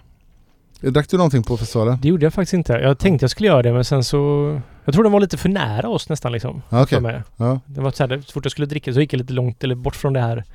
De som var närmast. Och sen eh, släpptes eh, en, en eh, Imperial Porter, Di- jag vet inte hur det uttalas, DeShootes Black Butt. Deras Mm. starka variant. Ja, just det. Det är, det är en klassisk amerikansk porter som var sjukt eh, så här inflytelserik porter i USA eh, när den kom. Men det här är en stark variant. Finns på bolaget. Den är inte, alltså inte butt som i... Men, nej. Utan Nej. det är de här bergen som bara sticker upp som är platta på toppen. Ah, Det är en butt. Det är en butt. Nu är det dags för Fredriks Systembolaget tips. Jag var faktiskt halv åtta eh, häromdagen var jag på Systembolaget eh, och ölstudion och provade öl. Ett av de tråkigaste släppen på året tycker jag. De här som fast, fa, kommer i fasta eller sortiments, eh, säsongssortimentet Oktoberfestöl, de tyska Oktoberfestölen. Mm. Det är faktiskt jävligt tråkigt. Jag vet inte, ja men det är tråkigt för de Det är liksom åtta, nio öl som smakar identiskt. Det är ganska ut... Vi pratat, när vi pratade om Oktoberfest pratade vi om det här att det är ju idag en Mm. ganska utslätt, det är en, liksom en lite bättre storstark liksom. Med ett undantag och det är väl det jag vill tipsa om då. Om man ska köpa ett tyskt Oktoberfestöl så ska man köpa Ayinger. Det är det enda som är liksom lite Märzen-karaktär på. Ja. Oktoberfest-Märzen. Precis. Det är, Den har lite mer färg då. Alltså Ayinger, världens bästa bryggeri. ett av världens bästa stora bryggerier. Ett av världens bästa tre stora bryggerier. Ett av världens bästa stora lagerölsbryggerier. Mm. I södra Tyskland. Det är, så här, tycker jag. ja, men det, det är bra, det är jättebra. Nej men den är ju som, det är en Märzen som ligger ändå närmare lite det som kanske ändå största delen har varit Oktoberfestöl. Vi vet ju det här har varierat över tid men Mm. den är svinbra. Så ska man köpa något Oktoberfestöl som är tyskt så är det det. Sen, annars tycker jag man ska köpa svensk Oktoberfestöl. Det känns ändå som att det är där eh, det, det görs lite mer Vi, Lite mer vi släpper ju en festmärzen. Precis och, och, och eran, Sen så släpper vi faktiskt en märzen i år också. ja men vad heter den som ni släppte förra året? Festmärzen. Ja det är den. Ja, nej, eh, festbil menar jag. förlåt. Festbil ja. Festbil. Eh, finns er Märzen ute? Eh, nej, vi tog ut den i måndags. Så den kommer väl... Eller nej, vänta nu. Förra veckan tog vi ut den. Förlåt. Så den, den skickades i måndags tror jag va? Ja, så då kommer jag head to head prova er Märtsen kontra Närkes Märtsen. Nej, Och så li- livesänder jag det i, i Ölpölens kanal. Är inte Ja. det för Patreon. för Ja, Patreon? men jag tänkte, för OOS vet jag den Festbier är bra. Uh, Vaxholms Oktoberfest är bra. Mm, just det. Eh, men så kommer ju Ja, det är en, klart att Vaxholms Oktoberfest är bra, det förstår man ju. ja, men jag ska tipsa ett kommande släpp. Eh, det är ju uh, Schlenkerlas Helles Lager. Ja, Ni vet, eh, det Mm. ljusa lagerölen som inte har rökmalt i sig men som är jäst med samma jäst som... eh, Som ibland är lite rökig och ja, ibland ja, inte alls rökig. Har ibland en lite rökig touch. Den är väldigt snygg. Den kommer ju nu. nej men det får kanske bli en liten tur till ölstudion. Vet du hur många gånger jag har varit på ölstudion? Noll. En. Okej. Mm. När Ja. var det? Det var när jag skulle köpa öl till eh, Mats. Jaha, vår till Mats. belgiska, vår bel- belgiska hus då, belgiska. Så jag Ja. tänkte jag, han är ett stort fan av, han åker ju till Bamberg och han tar in mycket öl från Bamberg till Danmark. Eh, Så, han, eh, så jag tänkte att han skulle få lite eh, Hälsinge Mm. pils. Vad tyckte du då? Vi har inte pratat om vad du, hur du upplevde Ölstudion. Om du var där så sent med det. Det var nu i våras. Nej, nej, det var förra året var det, men Jaha. det var trevligt. det var trevligt. Ja. Nej, det var roligt att träffa Otto som jag brukar jobba med på Stiberget och det. Magnus också. Äh, Magnus träffade jag faktiskt. Men eh, roligt att hänga lite motor där. Och de har, jag måste, har ni, de har ju ett eget sortiment nu. Vi pratade om det tidigare. Som Ja. bara finns där. Mm. finns flera riktigt bra Och de grejer. börjar jobba lite med den Ja, här verkligen. specialimporten känns det som. Det är jätteroligt. Jag tycker det är Att det en- finns det utrymmet. Det är ju, Ja. Bra, eller bra, finns flera bra amerikanska wild ales och sådär. På tal om något helt annat, eller på Mats som jag Mats. köpte öl av. Ja. Eller till en. Eh, Vi gör ju faktiskt en öl som heter Mad Mats. Som Ja. är till eh, ära för honom. Som faktiskt kommer på bolaget här nu. På ett par specialsläpp. Men det är liksom en så här, det är ju en, han har ju tagit med oss till Belgien rätt mycket, Mats. Och vi åkte runt och fick besöka De La Seine och De Ranke och ja, eh, Boon och sådana saker. Så vi och då när vi var på den senaste resan så drack vi otroliga mängder eh, Taras Bulba och XX Bitter. Så vi gjorde då en öl inspirerad av båda de ölen. Så ganska Ja. humle, men så här, så vi har blandat vår ale-jäst med saisonjäst för att få och försökt göra den så torr som möjligt med liksom lite socker i och så pilsnermalt och vete. Så det är liksom en och så torrhumlad med slovensk humle. Ja. Så det blev sån här en ja men inspirerad av Taras Bulba så jag den blev bra faktiskt. Den heter Mad Met så den kommer snart på bolaget. Jag fick en burk tidigt. Jag Ja. vet när jag drack den. Det var Nej. ett väldigt fint tillfälle, väldigt speciellt. Det är kopplat till dig. Eh, när du skulle gifta dig. Eh, en halvtimme innan vigseln. Ah, Så jag ställde ju bilen där. Och, jag hade, skulle, och det var ju så jävla varmt och jag bytte om till, bytte om till, till kostym. Och då hade jag den kall, för jag hade med den kall i bilen. I en kylväska. Så ställde jag den, så drack, jag hade den på taket på bilen och drack den med, med när jag skulle på ditt bröllop. ja, fint. Ja. Det var fint. Ja. Det var väldigt roligt att vi fick den som exklusiv lansering på bolaget här också så den kommer nog ungefär när det här avsnittet kommer tänker jag. Ja, okej. Mm. Den får du prova Martin, du gillar ju inte Taras Bulba. Nej, Nej. det ska jag göra. La, lava kommer också nu. Jag tänkte på det. Du gillar lava, den här porten, isländska. Ja, Öjvisholt! Ja. Är det sant? Ja, det kommer nu i, i, i också den här fasta, samma lansering som ni kommer typ i fasta. Aha, ja. Vad roligt. tycker jag var riktigt matig information från dig Fredrik. Ja, det var kanske Ja. bra. Bra att någon håller koll på Systembolaget så att man... Jag är lite sur. Jag hade ju, det här glömde jag helt av i och med att jag Men den här, du tipsade det förra gången att du, den här Sankt Bernardus Magnum... Just det. Jag tänkte verkligen att jag skulle köpt en sån men jag... Det gick mig över huvudet. Eller ja, glömde av det helt enkelt. Ja, ja. Jag är lite bitter över. Finns säkert kvar. Ja, det kanske det gör faktiskt. Jag har inte kollat. Helena Lind ställer en fråga. Den bästa frågan i världen. Hallå Helena! Hej! Hej! Hur, hur är det med dig? Hur är det i Stockholm? Jo men det är bra. Eh, Det är varmt och skönt och eh, alla har börjat jobba igen efter semestern så det är bra. Ja, det här, gången, det här grejen att du, du intervjuas i Bear News och, och att har det stigit dig åt huvudet? Nej, ja, inte än, jag hoppas jag. Ehm, Det känns ju som jag har fått ganska mycket utdelning för ganska liten insats. Så att det, man tackar så mycket. Ja, vi men kollar igen nästa månad så ser vi om det, om det har hänt någonting då. Att de hoppar på dig på Saison-hyllan på bolaget fortfarande gör väl? Nej, jag står där och väntar. Nej. Det har fortfarande inte hänt. du, vad har du tänkt på den här gången? Jo, men nu har det ju varit eh, sommar och semester och många har kanske varit ute och rest lite och då kanske man har rest lite mer i närområdet nu med tanke på att det varit svårt att få flyga och svårt att få komma iväg med tåg och sånt. Så det är säkert fler än jag som har varit i ett annat nordiskt land. Och då tänker jag att det är lite roligt med de, med de nordiska länderna för mycket av vår alkohollagstiftning, kanske Danmark som undantag, då, har ju en del gemensamma drag. Men det finns också mycket som är lite olika som skiljer länderna åt. Eh, så jag tänkte att vi ska prata lite om liksom öl, öl och öllagstiftning i de andra nordiska länderna. Just det. Ja, Och då, ja, och då tänkte jag kanske vi kunde fråga, fråga dig Olle, liksom, exporterar ni OO, exporterar ni öl till, till de andra nordiska länderna? ja det gör vi. Vi exporterar ju, våra största eh, ex- exportländer är ju Danmark, Norge, Finland faktiskt. Eh, och där i alla de här länderna så har vi en importör som vi har arbetat länge och väldigt väl med som är ja, I Finlands fall så är det väl ändå en ganska stor importör men eh, ja men så här nischade, väldigt så här fokuserade på hantverksöl och så. Så att eh, vi har haft långa relationer där så vi har ändå haft en ganska stor inblick i hur det funkar och vad som är skillnaderna mellan dem. Hur det funkar för oss och sådär. Men jag skulle säga här att Sverige, Norge och Finland är ju väldigt lika varandra i och med att vi har någon form av sorts monopol i våra, som får sälja alkoholen. Så där blir det väldigt likt medan Danmark är någon form av, jag vet inte, det är totalt annorlunda helt enkelt. Så det, vi säljer ju mest i Danmark skulle jag säga. Medans Mm. Och hur går det till i Danmark när ni exporterar dit? då skickar vi bara ner en massa öl som vår danska importör vill ha så säljer han den då på krogar och till viss del på bottle shops och sådana saker som finns runt om i Danmark. Eh, där blir det ju ganska varierat ändå faktiskt. ehm, eh, vilka öl de köper och sådär av oss. Men ehm, det är ju fokus på IPA. Medan i Norge, det, är- alltså det här är ju inte min del av företaget. Det här är ju vad Olof och Kristoffer jobbar med.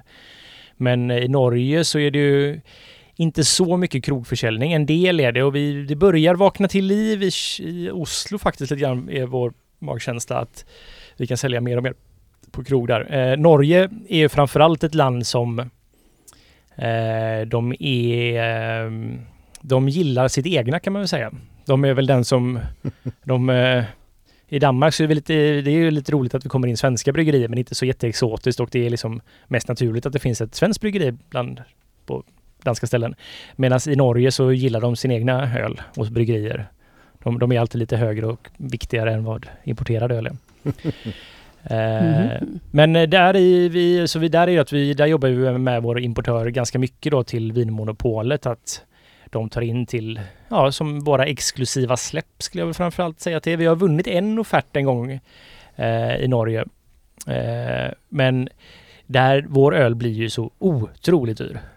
I och med att den har en mellanhand och eh, Alltså för oss svenskar så blir det som att här, man köper en Narangi för 100 spänn ungefär. Mm. Det är Sen så är det en väldigt märklig hur de räknar om jag fattar det här. Det här nu är lite eh, nu gissar jag lite här men jag, jag vet att det är någonting med volymmässigt så här i Norge. Om man ska liksom sälja, de, de räknar på ett annat sätt på Vinmonopolet där så att man ska helst ha stora förpackningar.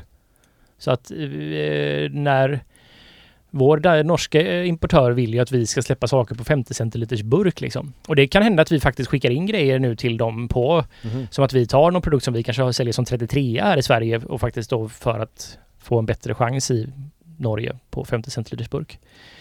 Men min känsla är att Norge är ganska, de är lite egenkära på det sättet.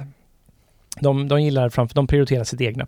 Hmm. Sen Finland är lite av en mystisk, mystisk låda för mig. Eller så här, det är som en, jag vet inte riktigt. Vi skickar vi ganska mycket öl till Finland och jag har ingen aning var det hamnar någonstans.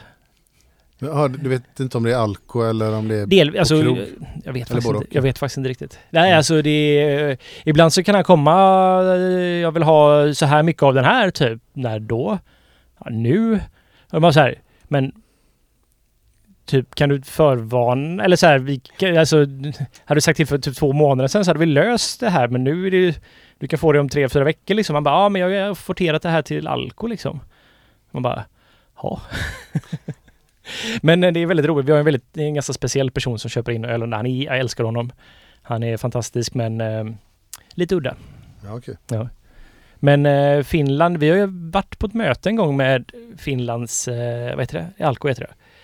Eh, på Alko med de som är inköparna av öl och alltså det var ju en helt annan, de har mycket lösare tyglar där än vad de har på Systembolaget.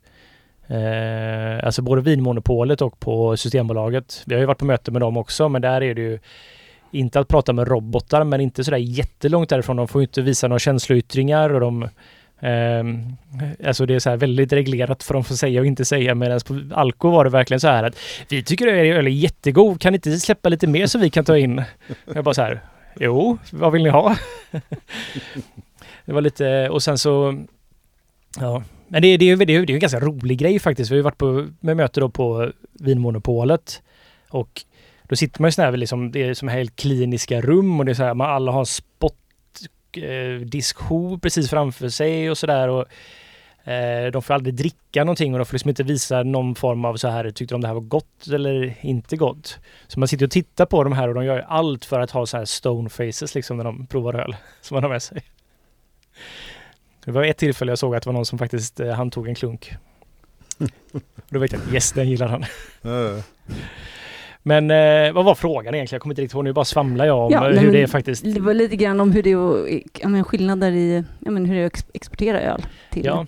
Exporterar ni något till Island då? För de glömmer man ju lite grann bort. ibland, Nej, de är ju så det, små. det gör vi inte. Vi, jag har ändå, alltså nu under pandemin så har jag faktiskt lite tappat den, men jag har ändå haft en del kontakt med isländska bryggerier. Jag har varit på Island, det, fyra gånger i mitt liv.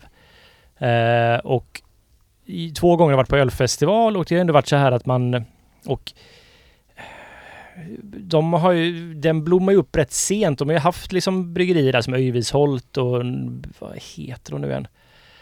Eh, Det har ju funnits några, Borg har ju funnits länge, så det har Mm. varit några så här som varit med sen typ kanske början, slutet på 90-talet, början 2000-talet. Eh, Men sen så det dök ju upp väldigt mycket bryggerier som det gjorde här i Sverige också som är liksom så här fokuserade på ny hazy öl med eh, söta stouts och sådana saker liksom. Men det som min känsla var att de här isländska bryggerierna det är dels då i och med att det är liksom en liten, eh, alltså det är en, eh, vad kallar man det? Ankdamm heter det. Ankdamm. Ja. Ja men det är så här att Island är som en liten ankdamm på något sätt. Så här, det är ju, Reykjavik är ju största staden på 300 000 invånare och sånt där. Och eh, det är liksom, eh, alltså under gymnasiet med folk som startar band och sådana saker. Det var ju som att så här, de kunde ju vara väldigt kortlivade vissa band. Att de så här var igång en månad, sen så var det en ny konstellation och sen så till slut var det ingen av originalmedlemmarna kvar i bandet utan och så här och så Ja, det byttes och splittrades hejvilt och så har min känsla varit av den isländska ölscenen så att jag har ändå försökt hålla koll men det har varit helt omöjligt.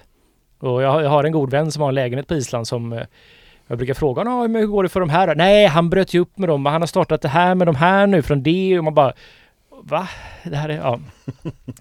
Det har varit lite rörigt på Island men och min känsla var att Island, de hade ju så här det gick ju väldigt bra för Island och det var, de hade ju den här Icelandic Air så att det var ganska billigt att flyga så många av de här ölnördarna på Island de flög ju till östra USA och köpte Trillium och Treehouse och sen flög hem igen typ typ för att, ja. Så de hade en väldigt så här hög standard på vad de tyckte var bra öl. Och jag kan komma ihåg att jag, när jag var på den här ölfestivalen så var det så här att Åh herregud vad bortskämda de är. Med vad som, alltså att vad de har tillgång till hela tiden. Ja. Eh, och att det var liksom att det var lite orimligt att så här hålla eller så här att tycka att allting ska vara minst lika bra som det här ungefär. Eh, men så vi, vi har bara skickat öl när det varit på ölfestivaler. Jag, jag snackade någon gång med eh, en bar där men det rann ut i sanden och det, är väl, det var väldigt mycket för att de, de hade då allt varför ska vi köpa svensk helt okej öl när vi kan få tag i världens bästa öl från de här Ja, jag fattar. Så. Så det var, det var lite, det var lite, de fick lite hybris där ett tag tycker jag, den Ja, okej. isländska ölscenen. Om man backar lite till det finska vi pratade om så har- Mm. har jag nämligen hittat här att Olle har, eller OO har 10 produkter på Alko. Är det sant? Ja. Ja, det har jag ingen aning om till exempel. Narangi på burk, vet du vad den kostar? Eh, men 40 spänn kanske? Eh, Tänk euro nu då, säg Ja men 44,5. 7,15. Jävlar. Baltic Porter 7,66. Douglas Dipa 8,50. Nel, 100% Nelson Sauvin 9,59. Sitchi 9,69. Nova har du det på. Va? Den, Ja. den får jag snacka med dem att de... Då har, men jag, jag, Kanske att den har gått utgått, man ja, jag tror det. Har, den, den, kan, den har inte vi skickat på två år. Bangatan, Double, Dubbel Narangi, Charismatico och eh, Nektar. Jag vet att det finns någon form av, de kan lista ungefär som vi kan lista i TSLS ungefär. Ja. Fast med importörer också. Så jag tror det här är att det är ungefär så. För jag var, fick vara i den, de har en flaggskeppsbutik till exempel då, som ungefär som ölbutiken här i Göteborg har som är under huvudkontoret på Alko. Just det. Och jag tror det är där som man kan bara lista produkter om man Ja, känner okej. för det.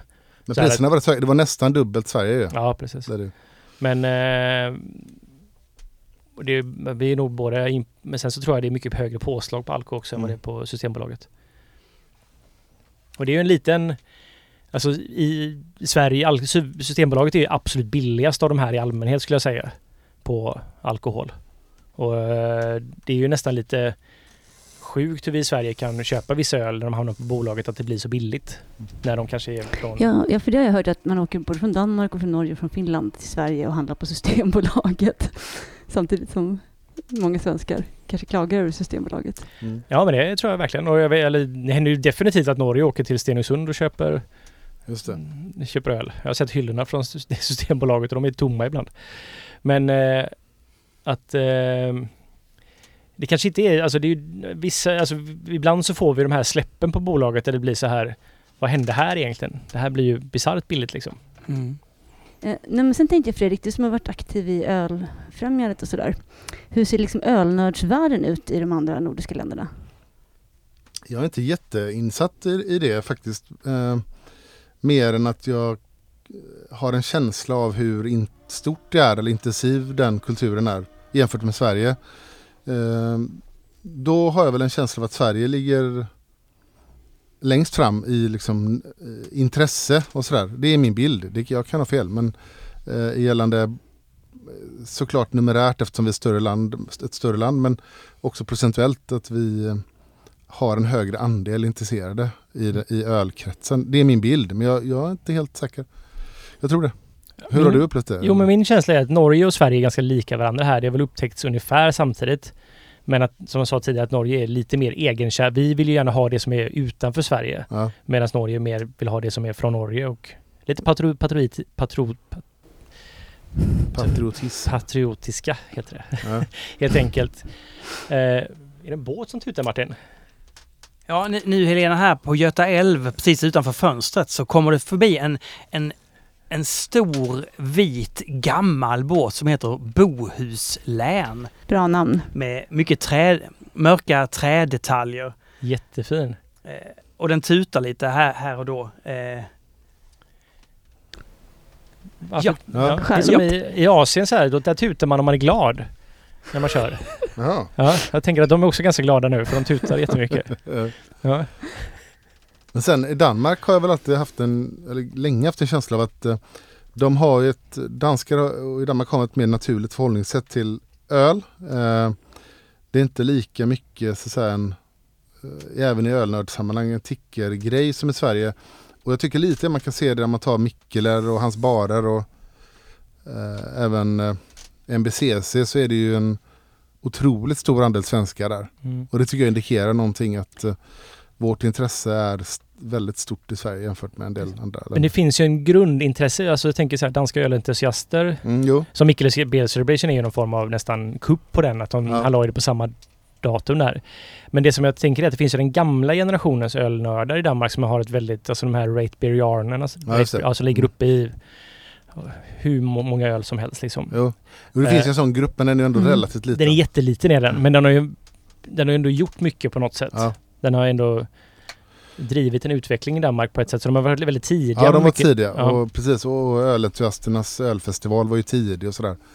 Så att eh, absolut. Men upplever, Finland ligger, upplever jag ligger lite efter men att det Det- händer ju saker där. Precis. De, det känns som att det vaknade till liv mycket senare än vad det gjorde både i Sverige och Ja, det- Norge faktiskt. precis. Och Danmark. Men att nu verkar det ändå, det finns ju vårt problem, eller så här, så som, jag kan inte den finska marknaden så här, jag träffade, jag träffade en på Brewskeval här nu som jag inte sett på några år men som har en importfirma som heter Pien och de är ju lite så här, vår importfirma Piccolintu och Pien då har jag fattat det som att de är lite, säger man ler och långhalm? När det är två olika saker? Eller så här att de är på varsitt. Jag tror det. Ja. Motsatt. men som ler och långhalm, är Ja. man inte väldigt nära varandra då? Det kanske är så det Ja, de är. har kompisar. Ja, de har kompisar. Ja. Okej, men de är inte ler och Ja, de långhalm. som hund och katt. Hund och katt är mycket bättre. Så Piccolint är de här som typ jobbat så här lite mer old school importör.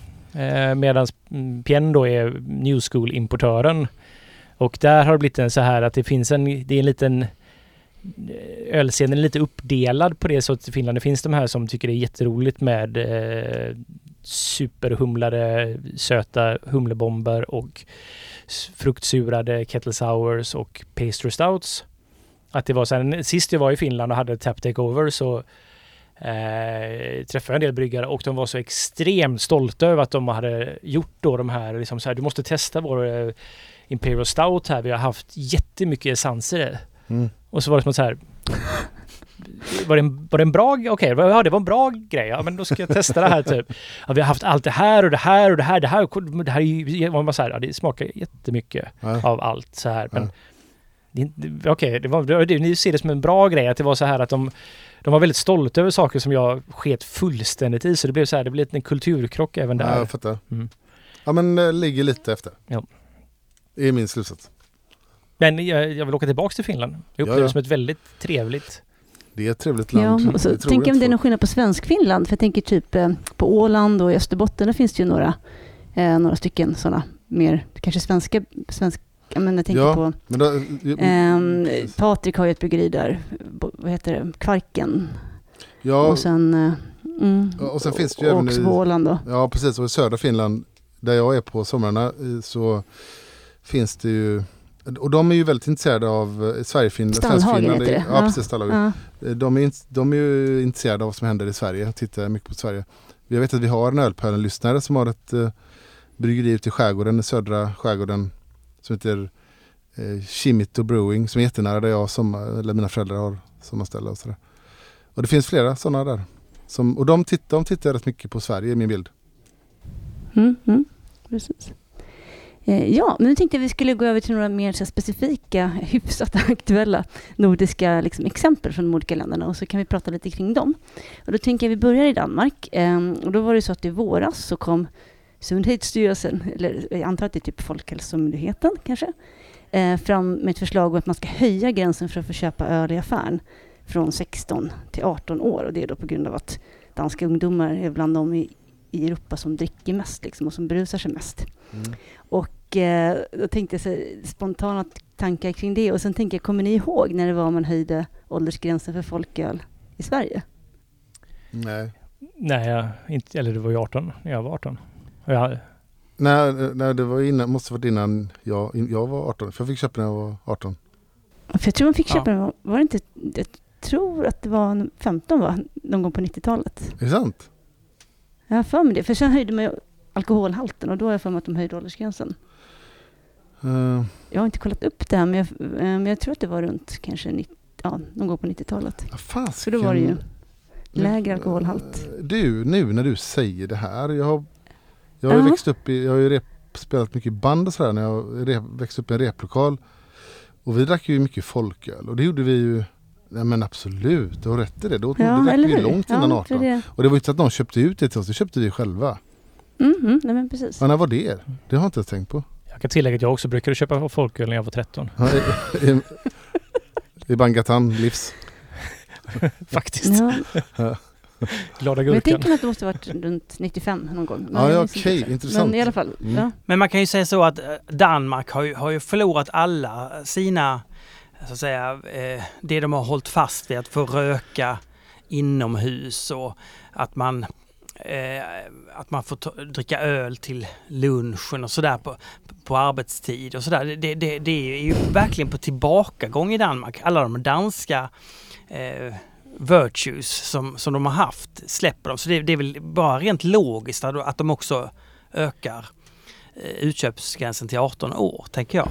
Eh, Ja. Eftersom plötsligt börjar de tänka på hälsa och sånt. Och börjar man tänka på hälsa och sånt, då, då är det här ju helt naturligt att göra. Men att danskar ska börja tänka på hälsa, vad är det? Ja, det är, det är något nytt, modernt. Alltså, jag förstår inte att det inte är en folkstorm. Det kanske det är förresten i Danmark. ja, kanske. Men jag, jag tänkte... Nej, han, jag tänker på han Stig-Helmer i Riket, Ernst Hugo Järegårds roll. Ja, ja. Som går runt och förfasar sig över att de dricker starköl. Men jag kommer ihåg, i våras när jag hade min svensexa i Köpenhamn satt vi på ställe med så här åt ja, smörrebröd och sill och, och då var det någon form av skolavslutning. Så det var ju jätte, det var ju så här, ja men det här var ett populärt ställe där man gick med familjen så alla barnen var ju uppklädda i eh, Och då sitter ju personer som jag tycker ut, så, ser ut som barn vid bordet bredvid oss och snapsar och grejer.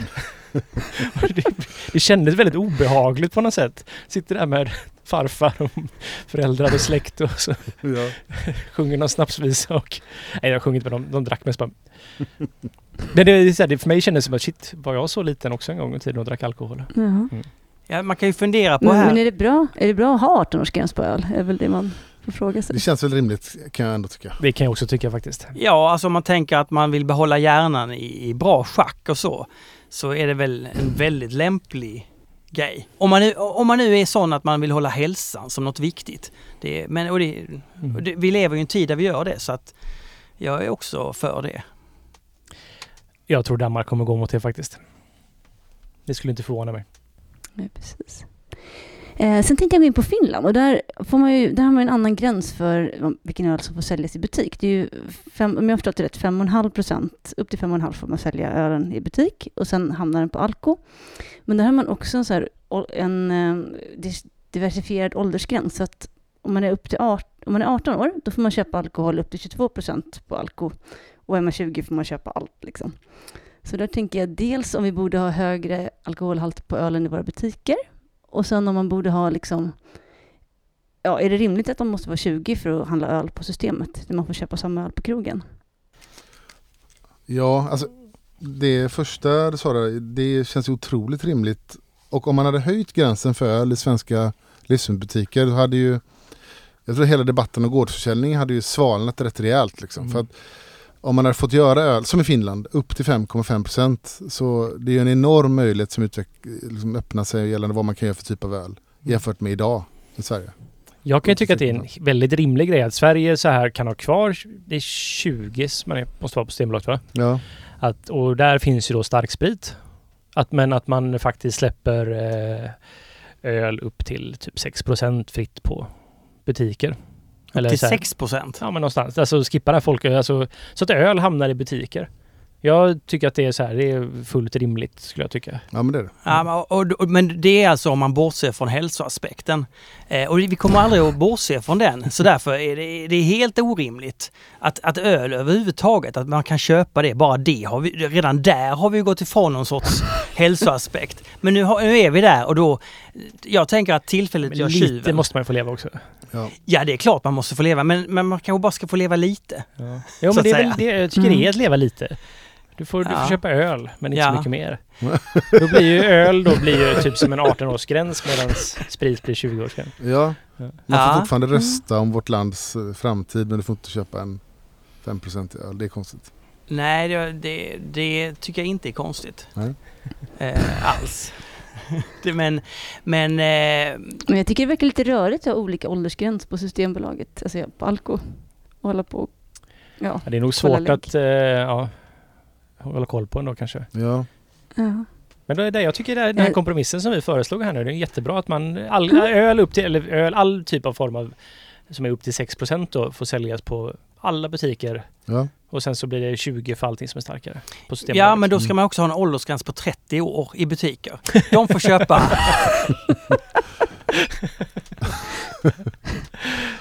Förutom fruktad Ehm. Berliner Weisse, där är det 14. Sen tänker jag, det pratas ju också mycket om gårdsförsäljning i Finland, för de har ju lite speciell, Mm. eh, ja, det är lite speciellt har jag förstått det som, just i Finland med, eh, gårdsförsäljning, för där Mm. har de ju på fruktvin och, och inte då traditionellt vin har jag förstått det som, och sen sahti och, och öl. Eh, men eh, ni som är sån experter, vad, vad vet vi egentligen om gårdsförsäljning i Finland? Eh, Jättelite tyvärr. Ja, jag samma här. Det enda jag vet är att det Ja. inte är så jättepopulärt tror jag. Eller det är inte så många som utnyttjar faktum att de kan göra det. Men det finns ju massor, det är någon form av restriktion kring hur, det får ju max vara 5,5 då. Eh, och så är det att du får inte vara över en viss storlek. Jag är rätt säker på. Men vad var det du sa Helena, du, som du kände Ja, till om det? jag, Du sa jag att, fick reda på i somras när jag var på Åland så fick jag lära mig att när man satte upp det här att Finland fick ha gårdsförsäljning då satt, satte man som kriterium, förstår jag det som, att det får inte vara vin, alltså traditionellt vin. Just det, Då skulle man konkurrera med de vinproducerande länderna. ja. Så om det var en person på Åland som, som producerar vin så måste han kalla det för typ alkoholhaltig fruktdryck. Och inte. För att det för sådana likörer och sånt anses som en traditionell dryck i Finland. Eh, men, men han får inte kalla det för vin. Aha. För då bryter det tydligen mot en sån EU-regel. Så det var nyheter för mig. Ehm, och sen då också att det kommer den här nya alkohollagen, att man höjde eh, alkoholhalten på öl som får säljas i butik, gjorde att man kunde då utvidga gårdsförsäljningen, har jag förstått det som. Ja men jag tänker att Eh, kan men det det, också, att- jag vet inte men skulle det kunna ha gjort den höjningen på butik ha dödat lite av gårdsförsäljningen? Förstår du vad jag menar? Kan det ha haft den effekten? Ja, möjligt. Vi kanske ska ta hit någon som är expert Ja, Finlands fundera på lite mer gårdsförsäljning. för jag, jag Kanske tycker din, man eh, hör något om finsk Ja, gårdsförsäljning. för jag tycker man pratar mycket om Finlands gårdsförsäljning men det är väldigt svårt att få något grepp om det, ja. eh, tycker jag personligen. Så, så att, eh, Ja, men det enda en jag har beställning. hört, vi får, vi får undersöka, det enda jag har hört är att det refereras mycket till finsk gårdsförsäljning eh, i svenska debatten när man pratar om hur det borde vara här. Mm. Men det är väldigt få som vet hur det har funkat i Finland och jag vet att han Petri som driver Coppersmith, och Kopparsmith, han, jag, jag läste någonting i Bernius, han var ju rätt eh, kritisk till hur det hade funkat eller inte funkade med mm. gårdsförsäljning i Finland. Så ja, det skulle vara intressant att höra med någon som har lite bättre koll hur det har gått. Liksom. Jag kan Mm. kolla med vår finska importör om han... För jag, min känsla är att det är ganska få bryggerier som gör det här Mm. i Finland. Ja, om vi går vidare till Norge då, så kan man säga att är en alkoholstrategi från 2019. Så eh, bestämde man att Norge ska eftersträva att alkoholdrickandet ska minska med minst 10 procent år 2025 jämfört med nivåerna 2010. Eh, Så då undrar jag, borde Sverige arbeta på något liknande sätt för att aktivt minska den totala alkoholkonsumtionen, tycker ni? Gör man inte redan det med, med Ja. Systembolaget? Tänker jag. Att det är ju ett sätt att... Jo men att sätta ett mål så här att man 10% ska vi minska. Ja, Varför inte det? eh, Det är alltid bättre med en sundare ja, mm. relation till alkohol. I samhället i stort. Man kan dricka hantverksöl istället för storstark. och- Ja, minska storstark med Mm. 20% och höja hantverksöl med 10%. Så blir det minskat Mm. lite grann i alla fall. Jag tror man om man minskar storstark bro, eller så här med 1 procent, då kan man höja med 40 procent. Ja, och det skulle fortfarande... ja e- exakt, exakt. Ja men eh, en sundare, i- alltså en, att man på något sätt sätter mål och gör policy som gör att det blir en alltså kvalitet före kvantitet liksom. Är jag tror Alltså man, ju- man ska ju inte arbeta för att arbeta bort alkohol ur samhället för det är ett ganska idiotprojekt liksom. Men att faktiskt an, ja, ha liksom en inställning att så här, men kvalitet före kvantitet. Då kommer man ganska Mm, långt tror jag. mm.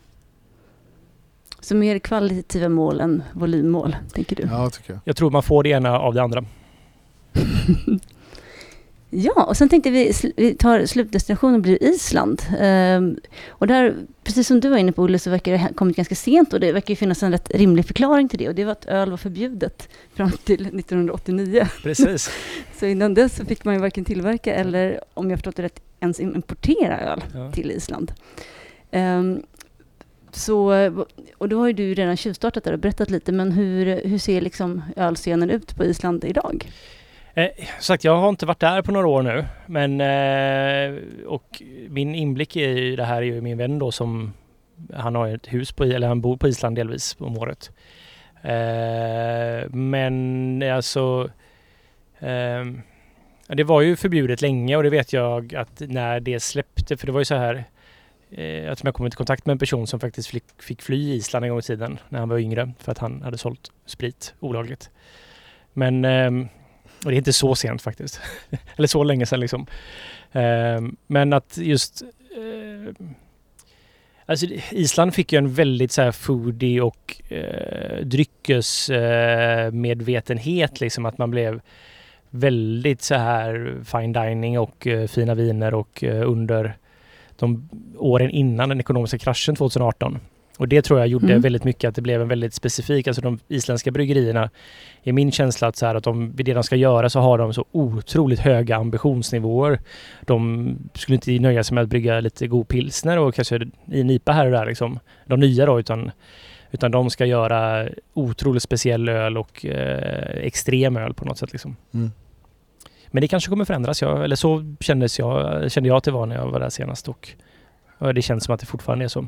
Finns Jag det lite mjödkultur där också? Det fler, ja, Peter har en släkting vars man Ja, just driver det. mjöd, eh, mjöderier. Och så. Träffade faktiskt honom när jag var där. Har du det? Ja, eller det var någon som kom fram till mig och sa att jag är Peters släkting. Jaha, när du var på Island? Ja. Jaha. När vi hade ölfestival. Alla känner Peter på Island? Det tog ganska lång tid innan jag fattade vem man menade.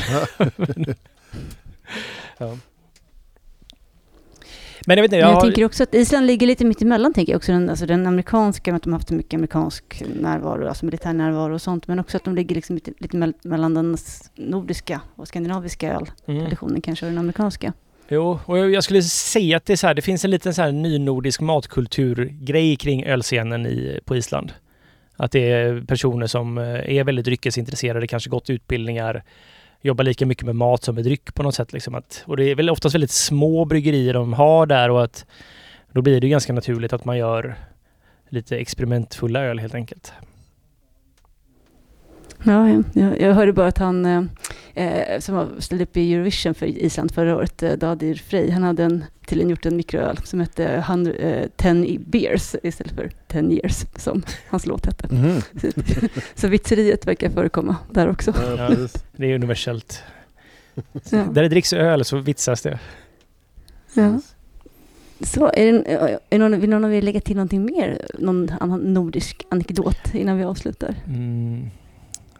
Färöarna har vi inte snackat om. Är det nord? Nej, vet vi något om det? Micke öppnade en restaurang då? Ja, han har en Mikkele, han har Mikkelbar där faktiskt. Helt där. Jag, I helgen nu träffade jag faktiskt en kille som är, han, nu jobbar han i Danmark så här, men han har faktiskt varit med och drivit ett bryggeri, eller jobbat på bryggeri på Grönland. Oj då. Ja, kanske inte Oh. riktigt. Ja. Eh, vi har blivit inbjudna att komma dit och göra en collab en gång. Tyvärr så hittade jag det här mejlet långt, långt efter. Fan, det var ju han såklart. Ja, det inte, nej, jag- nu bara slog jag ihop ett och ett. att han jag träffade nu vid helgen, det var han som skickade mejlet för länge sedan om att när han Ah, jobbade på okej. det här bryggeriet. Ja, okej, ja. ja, det var... men... Eh, nej men det, det har ändå letat sig långt ut i Svalbard har jag varit på. Där Mm. fanns det ett Ja, bryggeri just då. det. Fan. Det var också Ja, ganska det, det, roligt så här. att- öl från, ja. Ja. De, de var precis hade startat när jag var där. Men jag kommer ihåg att det Hur var många också... bor på Svalbard? Ja, Det är tu- Alltså jag var där under lågsäsong. Alltså Ja. mitt emellan vinter och eh, sommarsäsongen, alltså på hösten. Ja. Och... Eh, alltså de, det är tusen personer kanske, som mellan 1000 och 2000. Okej, Ja, så ett litet bryggeri då? ja, jag tror det, de var ganska stora var de faktiskt. Ja. Men att det är exporten Ja, jag satsar på. Men det sjuka var att jag kommer ihåg att jag drack en eh, IPA från Ögnö där. På en så här, ja men, ja, men typ lite hantverksbaraktigt så här. Och jag bara herregud, det här, så här har jag aldrig druckit den förut. Jag insåg att den var tre dagar gammal. Mhm. Om man kollar på paketeringsdatumet. Och det var så här, wow, jag dricker superfärsk öl här uppe i nära Nordpolen man kan komma liksom. Ja, kul. Coolt. Ja. Tack Helena. Det, alltså det nordiska eh, fokuset glömmer man är ju ofta så nära sig, sig själv och det, det svenska och sådär. Så det är ganska nyttigt att bara vidga blicken lite grann för att få syn på andra saker tycker jag. Jag kan, jag kan tillägga en grej bara. Vi var ju, det tror jag kanske pratat om tidigare, men vi var uppe på en ölfestival i Bodö. Mm. Eh, nu i juni var det väl? Eh, på ett bryggeri som heter Bodö bryggeri som är jätte, som alltid brukar vara inbjudna till Eurohop och sådär. N- nära Norrvik va? Ja precis, det är ju nästan så långt upp man kan komma liksom. Ja. Mhm. Eh, men det är också så här att det är jätteroligt. De gör jättebra öl och väldigt timida. Så man hör inte så mycket om dem men de är lokala marknaden plus då att det exporteras lite här och där till Ja, okej. de som vet om att det finns liksom. Du Helena, nu när hösten kommer och terminen startar, det blir vardagar igen. Vad är så att säga den bästa vardagskvällsölen? Du vet, det är onsdag kväll, du är trött, barnen ska ha mat, det är snart så ska man gå och lägga sig. Men så står du där och lagar mat. Vilken öl plockar du då fram när du steker köttbullar? Kanske du har rullat dem själv, lagt ner din själ i. Alltså, vad är det då för öl du liksom korkar upp och smuttar på? Eh, ja, nej men jag brukar försöka beställa eh, lokala eh, säsonger från små svenska bryggerier. Så jag brukar försöka, när det släpps, så beställer jag en av varje av de som kommer. Liksom, och så tar jag just en sån öl. Så eh, en, eh, en, en lokal svensk säsong från något litet bryggeri någonstans i landet skulle jag svara då. För det funkar ju till allt har vi konstaterat, Ja. oavsett mat. Ja, det är väldigt bra Helena. Vi, vi hörs ju om en månad. Men det gör vi. Ja. Ha det så fint nu. Ha det bra. Ja, glöm inte att rösta. Den bästa frågan i världen. Månadens tema. Nynäshamns eh, ångbryggeri fyller ju 25 i år. Just det, i somras. I sommar, nu. Du har redan fyllt 25. Ja, de hade någon sommarfest i juli tror jag. Mhm. Ja. 25 år, det är lång tid. Ja. Alltså det är ju ett, det är ett bryggeri som har funnits hela livet. Nej, jag är jättegammal så det har de inte. Nej men de har funnits länge i den här Det är ett av de första liksom tidiga. Mm. Men vad tycker ni, alltså Nynäshamn, eh, vad är det som gör Nynäshamnölen och bryggeriet till det de är? Alltså för mig är ju Nynäshamn alltså att det är en form av otroligt... Jag är aldrig besviken om jag dricker Nynäshamn, eller från Nynäshamn. Det är en väldigt så här... Kvalitet liksom. Ja, kvalitet och konsekvens. Att man vet vad man får. Och eh, ja men så här otroligt stabilt bryggeri som ja, alltid levererar i stort sett. Och jag blir så här, jag är ett av de, jag blir alltid glad när jag ser att det finns på fat liksom. Det, Mm. det, det för mig. Och det är så det varit sen, sen jag började. Det var ju Bedaru Bitter som var... ja, Det var, ja men så här. Det var en av mina så här första så här, öl jag alltid köpte när jag var Mm. på Rover. Att, ja, om jag ska dricka tre öl så är en av dem Bedaru Bitter liksom. Jag vet att Ina hade ju Bedar Bitter som, det var väl hennes ingångsöl i eh, Mm. Ja men Hagabi eller Ja. Kino när de jobbade där. Ja, hade ju, de- de, hade de hade den? Bedre Bitter. Ja, den. just det. Ja. Så det är ju den, den Mm. ölen som jag kom i kontakt med. Ja. Det här har jag ju sagt förut så här, men det var ju för mig väldigt roligt så här när Kino öppnade så här att de jag brukar då hänga på Rover och det var liksom där jag drack. Sen som jag gick ut och hade roligt så var det så här, då var det bara vilken öl som helst liksom. Men så här plötsligt var det så här, vad fan, Gambrinus och Bedre Bitter. Ja. På ett Ja, ställe men- jag kan ha roligt så här. Ja. Vad är det här för upp och ner över en värld? Inte bara hos Men Reinhardt. vad säger du då Fredrik? Nej, men jag, jag kan ju instämma i det där. Det är, en, eh, det är ett otroligt stabilt bryggeri. Jag, om jag bara, jag, vi har- jag har sagt det tidigare tror jag, men om jag summerar allt kring ett bryggeri, liksom, kvalitet och vad de står för, så är det ju, mitt, det är ju, det är Sveriges bästa bryggeri. Jag tycker det. För de har betytt så mycket för mig. Och jag kommer ihåg det så väl när jag var ny ölintresserad och var i Stockholm, eh, på Stockholm Beer då, slutet på 90-talet. Då var ju alltid Nynäshamn där. Och då, slutet på 90-talet fanns ju bara deras öl på fat. De började ju flaska lite senare. Mm. Och ja, men det var alltid så här, det var så jäkla spännande och jag upptäckte väldigt mycket öl via dem. Ja. Och de, är, ja, det, de står för bra saker. Det här är ju väldigt subtilt men det är så här att jag upplever också alltid dem som väldigt sympatiska. Ja, det är ju så här, själva designen, jag gillar allitteration heter det va? B, Mm. mm. bitter, att man Ja. BB Mysinge, midvinter, mörker Ja. heter den va? Mm. Ja. Det, det är så här, det är, en, det är ett otroligt fint varumärke som inte är så här det är inte in your face på något sätt utan det är bara så här, inte cheesy utan det är bara så här Ja. Ja. Precis, och jäkligt trevligt folk Mm. faktiskt som jobbar där. Men hur, alltså 1997 startade då Nynäshamn. Ja. Eh, hur startade de och alltså hur kan man säga att öl, i, i vilket typ av landskap, öl Sverige-landskap, hur var det? Alltså då hade ju den första svenska så här, nya vågen av hantverksbryggerier då var ju runt 94-95. Vi pratade Källefall och Alafors och Grebbestad och ett antal. Rätt många av de här bryggerierna startade ju egentligen ganska Eh, stort med en gång. Eller relativt stort ändå. Ehm, och många av dem som startade då, det fanns flera som jag inte ens kommer ihåg namn på. De finns ju inte kvar längre. Många gjorde ju Eh, vi har pratat om det tidigare, de gjorde öl som storbryggerierna gjorde men var sämre och dyrare och sådär. De, de eh, tog sig vatten över huvudet, många av de här bryggerierna och finns inte kvar. Nynäshamn eh, skilde sig, avskil- särskilde sig där för att de startade ju jättesmått. De eh, eh, började ju som en, egentligen som en ölklubb som heter Hagges bärsklubb. Just det. Och den eh, startades redan eh, i slutet på 80-talet i Nynäshamn som var en eh, kamratförening med folk som gick i skola. Han hade gått skolan ihop och idrottat ihop och så här för att hålla kontakten. De skulle träffas en gång i månaden och äta mat och dricka öl. Det här liksom växte och det startades av de personerna som sen grundade Nynäshamn. Den här föreningen Haggesbergsklubb den växte ju och blev eh, allt större. Jag tror att när de la ner så var det väl, hade de runt 700 medlemmar. De hade så här sin och det här utvecklades till en, så här efterhand kan man nog säga det, eh, förmodligen inte alkoholmässigt alltid korrekt. ja, men det var ju som en eh, förening, de, det var inte ett alkoholtillstånd, det var ingen restaurang utan det var en slutet sällskap Ja. liksom. Så ungefär som studentföreningar Exakt, fungerar fast precis. inte för studenter längre då? Nej men så det var som en student liksom, koppling. Mm. Och eh, det ledde till att de, eh, de ordnade en brygg, de gick, gjorde en bryggerikurs där, eller bryggkurs, hembryggningskurs då.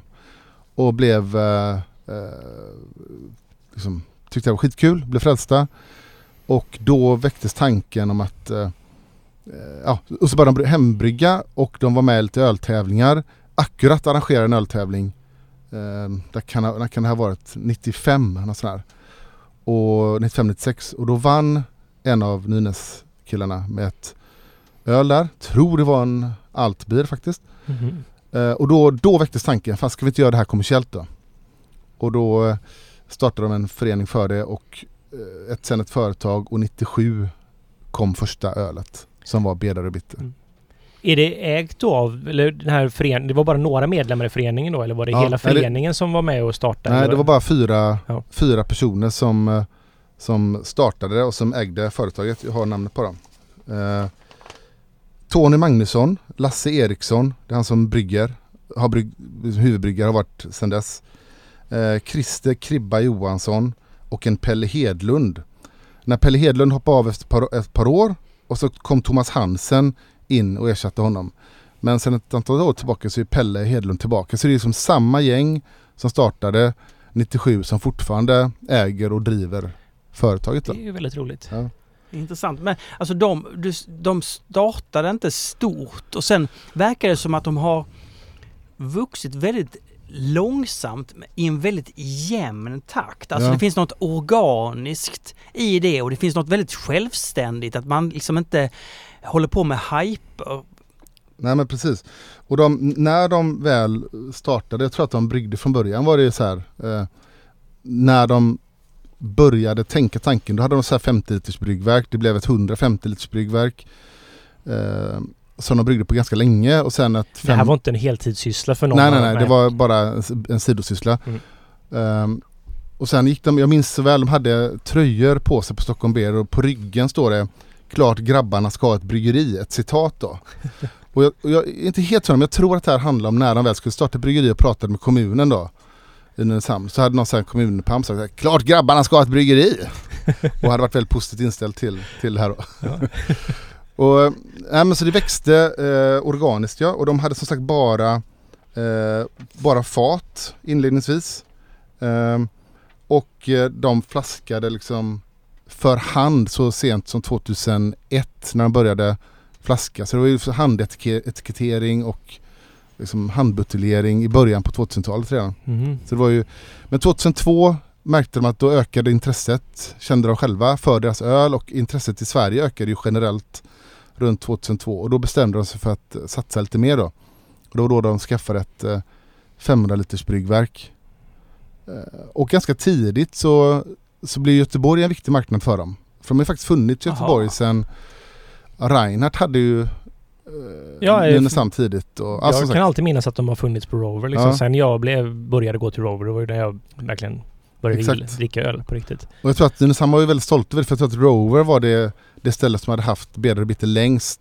Alltid på fat sen, nu vågar jag inte säga, men slutet 90-tal ända tills Rover la ner. Så Mm. det var det kran, jag vet inte om det var kran 1 eller 2 eller... Ah, ja, det var ettan eller två, eh, tvåan var det nog, Ja. eller, eller fyran. Ja. Ja. Eh, nej, och så någon av dem var det. men sen har de verkligen växt, eh, verkligen växt så organiskt. De har aldrig tagit sig vatten över huvudet och liksom blivit för stora för snabbt. De, eh, 2004 bryggde man bara 70 000 liter. Det var liksom maxkapaciteten. Som skaffade ännu ett nytt bryggverk 2005. Och 2006 kom produktionen igång där då. Och då började de brygga på det större bryggverket. Jag tror att det är det de har kvar fortfarande. Jag tror också det. Och jag kommer så här ihåg... 1700 liters eller något Ja, något sånt där ja. Och jag vet att de använder hela kottar. Jag för mig det är ett Premier-bryggverk, ett amerikanskt då. Det är liksom, vi har ju DME och Premier, det är de två som är eh, i den prisklassen stora i USA liksom. Men här, se, här ser vi ju vad, vad gott det är när en idé och en, egentligen en hobby. Alltså någon, nå- vi, vi tycker om att göra det här. Mm. Vi kan göra det, hur, det får, kan få, vara hur litet som helst, bara vi får hålla på med det. Oj, nu växer det lite grann. Ja, men då hänger vi med det här flödet och det blir Ja. lite större.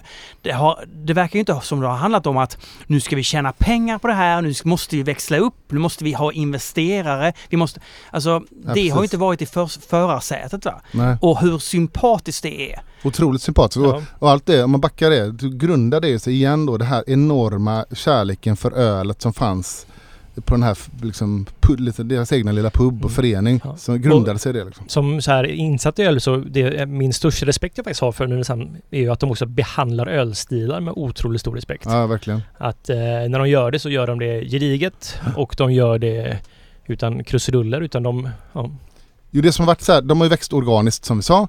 Eh, men också med en enorm så här, eh, trygghet i att man ska liksom tjäna pengar men, inte, men på ett sätt som på det sättet de vill tjäna Mm. pengar. Så att man kan säga för sju år sedan så nådde de väl någon form av eh, ska säga, nästan tak där de fortfarande är. De omsätter 35 miljoner per år, har gjort det nästan varje år i sju år.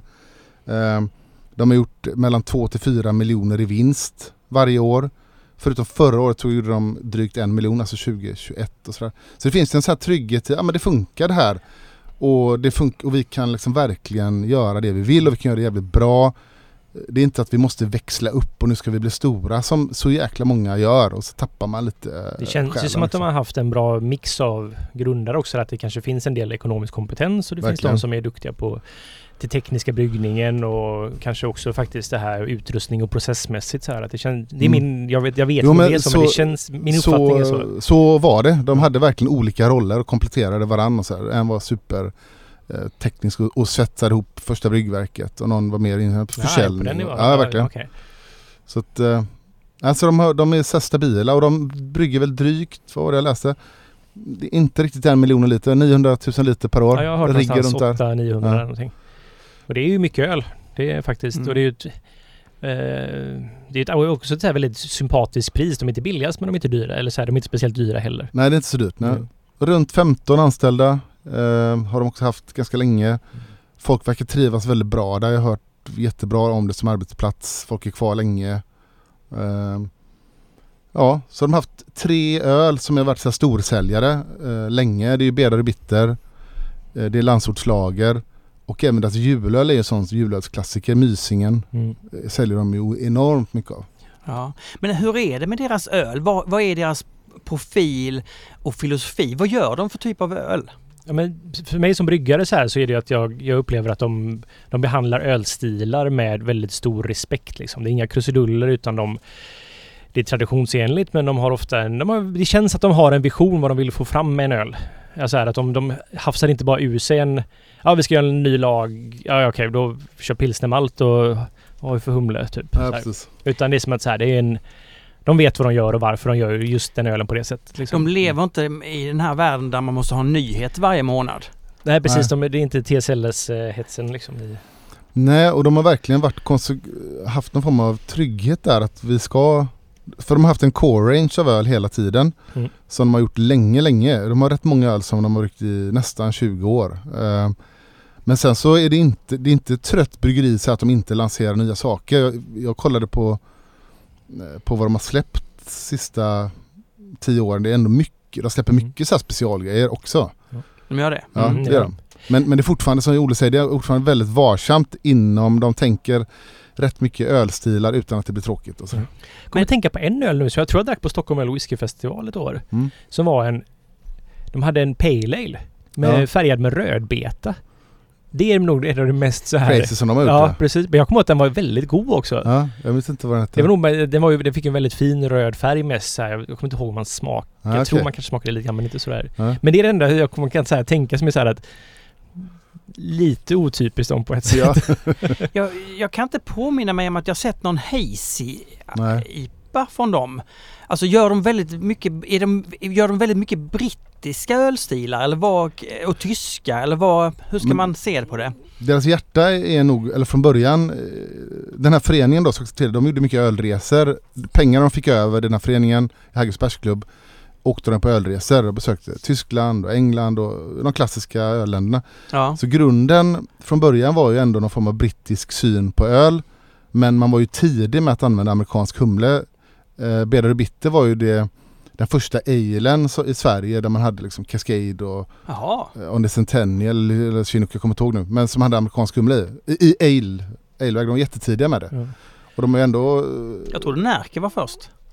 Nej, Närke Nej. kom senare. Ja. Vad hette den? Tjockhult Chinook? Ja, ja precis, Tjockhult Chinook ja. Ja. Det är... Jag antar att den hade Chinook i sig. Ja, det den. minns jag som en av de så här... Wow, det här var... Det var Ja. humligt på svenska. Eller, Verkligen ja, humlig. Och det var ju ett samarbete mellan Var det akkurat? Akkurat OT och uh, Nynäshamn då. Så var det. Så den fanns på båda ställena. Ehm, nej men så de Samtidigt har de ju använt mycket Nya världen-humle sådär så inte att de är Det är inte så här brittiskt stofileri, stofilgrej, det är det inte. Utan, men skälen är där och sen väldigt mycket lageröl började de göra lite senare. Det, var, det tog ett tag innan de ens hade möjlighet att göra lageröl och, och kunna kyla och Ja. sådär. Och bara den grejen att de faktiskt inte försöker sig på det innan de vet att de kan göra det Ja precis. på ett värdigt sätt. Ja men det är ju... Det är ju, det, det är ju väldigt intressant att inte hoppa på alla trender som dyker upp. Mm. Att man håller sig, man, på ett, man håller sig till sitt eller man, försöker, man, eller man vet vad man vill göra helt enkelt. Ja. Ja. Ja det är oängsligt och Ja, precis. Och den enda gången jag egentligen känt att så här att... Eller det, jag kommer ihåg så här, det var ju faktiskt på Bruceval ett år så hade ju... Då hade de med sig allting på såna här självrunna fat. Just det. Och det var ändå så bara så här, shit vad modernt och så här vad före sin tid de är på Ja. ett... Inte så att de bara råkade vara det av en slump liksom. Att ibland så händer det ju att så här personer som har fastnat i någonting råkar bli moderna igen liksom för allting går Mm. i cykler. Utan här var det så här, det var ändå en medveten Ja, ja. så här bara shit de är före sin tid för det var ju någonting som vi också tänkt på liksom. ja. Och vi kände att det var inte riktigt det är för tidigt än. Så Ja, kommer precis. de att vara så här ännu tidigare med det. Det var rätt häftigt att se och det var ju Ja. flera år sedan och då, Ja, det var det det. var så kul att se. Då såg man så här De bryggerier på Bruskeva som hade längst kö var ju Nynäshamn och så stod bara massa amerikanska bryggare i kö där Ja, ville ja. dricka självrunnet. Och så stod Wakefield längre bort och serverade Gatorade-öl typ. Ja. Men kan man säga att eh, Oppegårds och Nynäshamn har ungefär, har gått fram på ungefär samma sätt, har li, ungefär samma Ja. filosofi Ja men de är ju öl. som två, eh, kanske inte tvillingar, men två b- b- syskon som har med väldigt kort så här.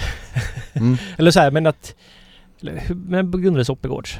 Det var lite senare var det, Det är 2001 senare. Eh, mm, jag säger alltid fel, nej det är ännu senare. 2005 är det. Ja, det är nästan 10 2005. år sen. Ja, Eller, att- åt- Åtta år senare, så att Ja. Nynäshamn är ju ändå före. Men, ja men det är som lite storebrodern till som är ja. på ett sätt så här, de har ju gått lite olika vägar men ändå det är ju de som också kanske lyckades i den här generationen bäst också liksom. Precis.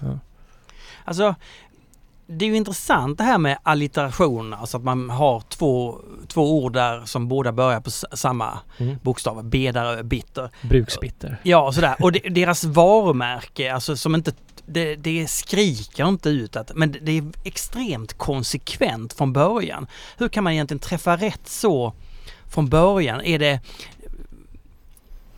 Ja, det, är bra. det är också någon idé de trodde på för att de, de själva hävdar ju att de har fått kritik av så här marknadsföringsfolk, förståsigpåare, att det är för långa krångliga namn och sådär. För en del öl har ju hetat ganska Mm. så långa och de har haft hela tiden kopplingen till sin geografiska område så att det är Ja. ju Ja, det öl ju döpt efter skärgården. Ja. öar och vikar och Ja, och det, det roliga var att jag hade en, en ex-flickvän som hade sommarstuga där ute, eller hennes familj. Och det var väldigt roligt så här när jag insåg att vänta du, det är ju här. ja, ja, ja. Så sa, det är ju den ön och det där är ju den holmen och så här. Ja. ja, de har det på sin, sin bryggeripub på bryggeriet så har de en stor ja, vad heter det, sjökarta? Eller Mm. vad heter det? Ja, det heter sjökort. Sjökarta, ja. Eller sjökort. Sjökort ja. Eh, över deras skärgård. Det var så jäkla kul att sitta och titta på den. För då pekar de ut, så, ja, där ligger ehm, alla de här ställena liksom. Det var kul att se det bara så, över en men, och det här med att de är så rikstäckande, att de finns på i stort sett alla systembolag. Har det kanske med att göra att de, de startade så tidigt, att de fick in foten tidigt, att de gjorde kvalitetsöl och så så eller, eller är de bara väldigt duktiga med Systembolaget, eller Det är hur? nog lite av allt möjligt, allting där tror jag. Det är, Ja. Ja, jag tror det är en kombo. De, Ja. de var ju också tidiga att eh, koppla ihop sig med bra ölkrögare tidigt. Mm. Och som Mm. de levde. Alltså Akkurat har ju varit så här en nära samarbetspartner i sen innan bryggeriet fanns. Den här öltävlingen som sagt på Akkurat Mm. som var 95 eller vad det var. Eh, redan där satte sig ett samarbete med Accurat. Så att det har de ju hållit i ända sedan dess. Och sen har du Stene på Sun Franciscaner. Mm. Eh, det är till och med så att personer på Nynäshamn, inte Nynäshamn som företag, men personer på Nynäshamn är ju lite delägare i Sun Franciscaner. Eh, så de har ju liksom känt rätt folk och verkligen jobbat med långsiktiga relationer. Och kommit in på de viktiga ölkrogarna i, i Sverige. Det blir, så här, det blir också en väldigt bra eh, synergi där för de här viktiga personerna som brinner för någonting och om de får stöd av bryggerierna så vinner Ja. alla på det liksom och Precis. tänker långsiktigt med det också. Men vad, vad, är, vad är det som... Vad tror ni gör dem relevanta idag? Alltså... Varför har de inte somna, somnat in och, och finns i skuggorna? Varför är, fortsätter de att vara... Jag, jag vet inte, jag kan spekulera. Jag tror att de ganska mycket lyssnar på vad personerna som jobbar som eh, bryggare där vill göra Mm. och få utlopp och göra det med kanske ett filter på då vad som är passar i det här. Men alltså att de stagnerar ju inte men det är samtidigt inte som att eh, medan Oppigårds kan ju så här de kan ju göra hejsipa, de kan göra de är lite överallt medan det är alltid ett Nynäshamnsfilter på i det hela fast ändå med Ja. att de eh, gör ändå hyfsat modern öl och tar till sig nya tekniker och ändå ja, se vad, lyssna på vad folk vill ha och Ja. Och sen tror jag hela tiden det här konsekvenstänk i, i design. Man känner igen sig samtidigt som de uppgraderar. Det, det ser inte mossigt ut utan det ser ändå modernt ut men med någon form av klassisk eh, touch. Och mm. ja, Jag tror att det är uthållighet att man vågar liksom tro på sin sak. Man blir ju tydlig som på profil när man inte ha, hakar på alla hype-trender såklart. Då Nej. blir man ju alternativet som, som blir intressant. Ja. Men det är också som Olle sa, jag tror att mycket ligger i att de är relevanta även bland en eh, så med, mer trendkänslig ölpublik. Det är ju att de har ändå varit nyfikna och gjort nya saker. Det här med självrunna som de har satsat finns ju på ett antal ställen runt om i Sverige. Deras öl, krogar de samarbetar med. Så att de ändå och jäkligt trevliga människor som liksom pratar med folk och är, är bra, liksom, bygger relationer. Mm. Men ölen då? Vill ni veta lite vilka öl de har gjort? Ja, Du, det vill vi... eh, Jag kollar det. Jag, Vadå, kollar, har du koll? jag gick in och Ja. kollade på Ratebeer här nämligen. det roliga är så här under tiden vi har pratat om det så har det dykt upp som, som tjockhull chinook liksom. Så här Ja. att jag bara, "Shit, det har inte jag tänkt på på länge. Jag kommer rabbla ett antal öl, år här, årtal här Ja. för att folk kanske känner igen sig. Så får, får ni säga om ni har druckit, om ni kommer ihåg det. Bedare Bitter som sagt, första ölet, Mm. 97. Fortfarande mest sålda ölet. Uh, ja, Chinook Cascade är det den. Sen så tidigt som 2000, Yttre Garden, alltså en vitt Mm. Hogarden-skämt. Yttre Garden, vitt bir. Ja. Men det är ju ingen alliteration. Eh, y- yttre skärgården, Yttre, ja. Yttre Garden. Det behöver inte vara en Nej, ja, alltid. det, är, det är Nej. inget öl som jag tror de har sitt fasta Nej. längre, jag är inte säker. Men Mm. Indian, det, att, att göra en vitt bir i Sverige 2000, det är ganska, det är tidigt. Uh, Indianviken Pale Ale, man tror också Sveriges första IPA menar en del att de gjorde. Mm. Det är inte eh, så dåligt. Sotholmen Stout, också runt 2000 där. Åh vad god den är! Ja. Ål, Soltornet extra framförallt. exakt, den kom Mm. eh, ett par, tre år senare. Uh, Ålö Ale, jag vet inte om du kommer ihåg den? Ja det kommer jag ihåg. Ja. Den var väl mer en typ som en Golden Ale-aktig. Ja, lite Pale Ale Ja, Golden Ale. Och det, och det här var ju som sagt 2000. 2001 kom Landsortslager som också blivit en storsäljare. Där Mm. de ville göra typ en bra stor stark var väl målet med den. Precis. Det är väl inte riktigt en pilsner, den har lite maltighet och den är väl 5,5? Ja där. exakt. 5,5 eller, eller är den 5, är den stor stark 5,2? Jag kommer inte Ja, det ihåg. kan det vara. Men den är väldigt så här. Som en Dortmunder. Men den har blivit som en så här eh, Ja men stabilt öl bland jättemycket folk. Den rekommenderas ju alltid i tidningar och så här i Expressen. Och så. Den har blivit en så väldigt folklig lager. Den är väldigt god också. Ja den är bra. Mm. 2002, Pickla Pils. Också Mm. tidigt liksom. Att göra den typen av pilsner 2002. Precis. 4,6 i den var jag för mig. Ja den är svag, lite svagare än vanligt. Och den, hå- den håller ni som Sveriges bästa. Nej men den är ett av de bästa. Ja, jag, alltså. jag, länge var det Sveriges bästa. Det var när jag tyckte så här att...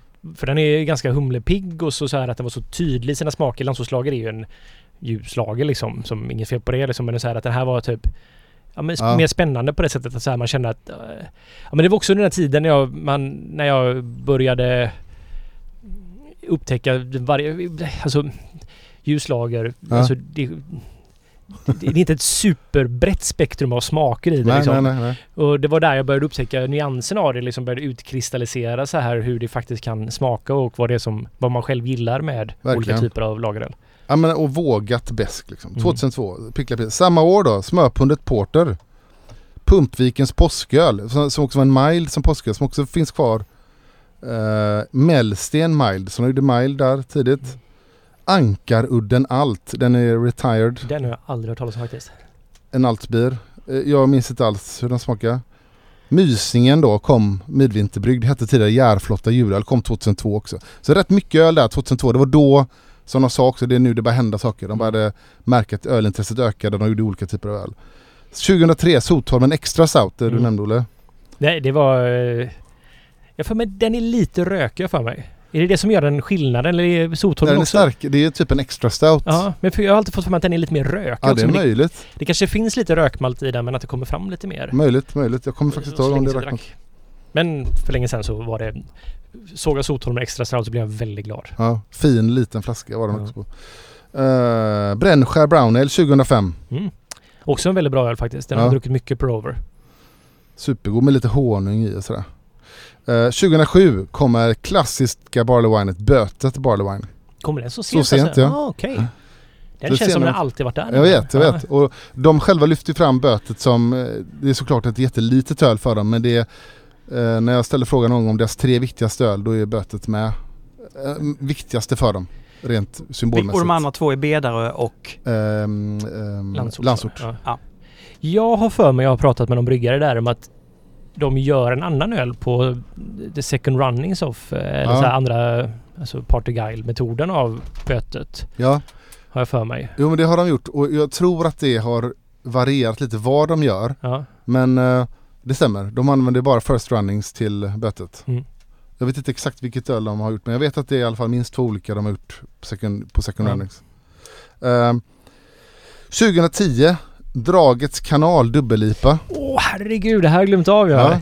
Men om man tänker så här, det är ju en tidig eh, dubbellipa men å andra sidan fanns ju då också Dugges hade börjat göra eh, Holy Cow och de här. Ja, de? vad heter de? Hi, hi, hi, High Five. high Five och de Ja. här. Holy Cow var väl dubbel-IPA för mig, eller var det bara en stark IPA? Nevermind the Bollocks menar jag. Nevermind the Bollocks, det var en dubbel-IPA. Det var en dubbel-IPA. Ja, det var det. Men de var ändå tidiga med det. Och eh, Just det. 2010, Holy samma år, Valsviken Vinterporter. Mm. Stenstrand Sommarale. Jag funderade på vad det var som var för... Jag fick för mig att det är en humlig öl i alla fall. Så vad fan var det för... Det var inte Session-IPA. Summer Ale var det Ja, just det. Eh, 2011 Tjockhult Chinook då. Mm. Och jag minns att det ölet var nog lite grann att ta upp det här som Hell hade varit. Eh, Just det, ja. en, eh, ja, för det var också en... Heaven or Hell. Ja, precis. Ja. Och Hell var den ljusa lagen som var akkurat eh, ölet också lite grann. Och, Ja. Som var en sån supersuccé. Eh, 20, sen är det ganska sent den här, en, en Kellerby som heter Kalkskär källaröl. Den kom, jag förstod rätt, ganska sent, 2018. Mm. ja, men den kommer nog i samband med att de var på Brewskival. Jag tror det Ja, kanske så. var 2018 till och med faktiskt. Ja, okej. Mm. Om inte... Jag kan minnas fel där faktiskt. Och sen har de släppt rätt mycket saker som ank efter det. Ankarudden, Pale Ale, Zoomen Schwarzbier som är en dubbeldekoktionsmäskad. De dubbeldekoktionsmäskar några av sina lageröl.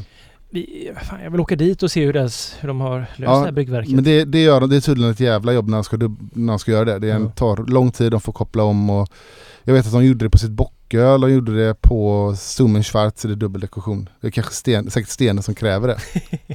Så det eh, de gjorde en rot, ro, rotby, rotby, den, Den provade vi vi. ju i helgen Ja, precis. Roxen Red IPA, Rassaviken rököl och så vidare. Roxy, ja. Det är en sjö dock. Den är ju väl en eh, Motala Strömsjö, inte det? Har ingen aning. Kan det nog vara Men ja. det är en bra gädd... Har du fiskat där? Ja, Nej, jag har inte fiskat där, men det är en bra gäddsjö vet jag. Bra gäddsjö. Ja och sen eh, har de släppt mycket så här små grejer. De belgisk eh, dubbel och så, så, här engångslanseringar. Mm. Liten genomgång över deras mest kända öl. Intressant. Det skulle vara intressant att prata med eh, VDn om allt det här och se... Ja, Vi har bara så gissat här. Han kan ju kanske berätta vad Ja. som... Men jag tänkte vi gör det, det här var våran bild. Ja. Låt oss se vad han säger. Tjenare, tack för att du ställde upp på en intervju för Ölpölen. Ja, varsågod. Men du, jag tänkte på en sak. Tony, ni fyllde ju 25 här i, i somras och jag börjar med en sån eh, sportfånefråga här. Hur, kän, hur känns det liksom? En klassisk fråga. Ja, Ja.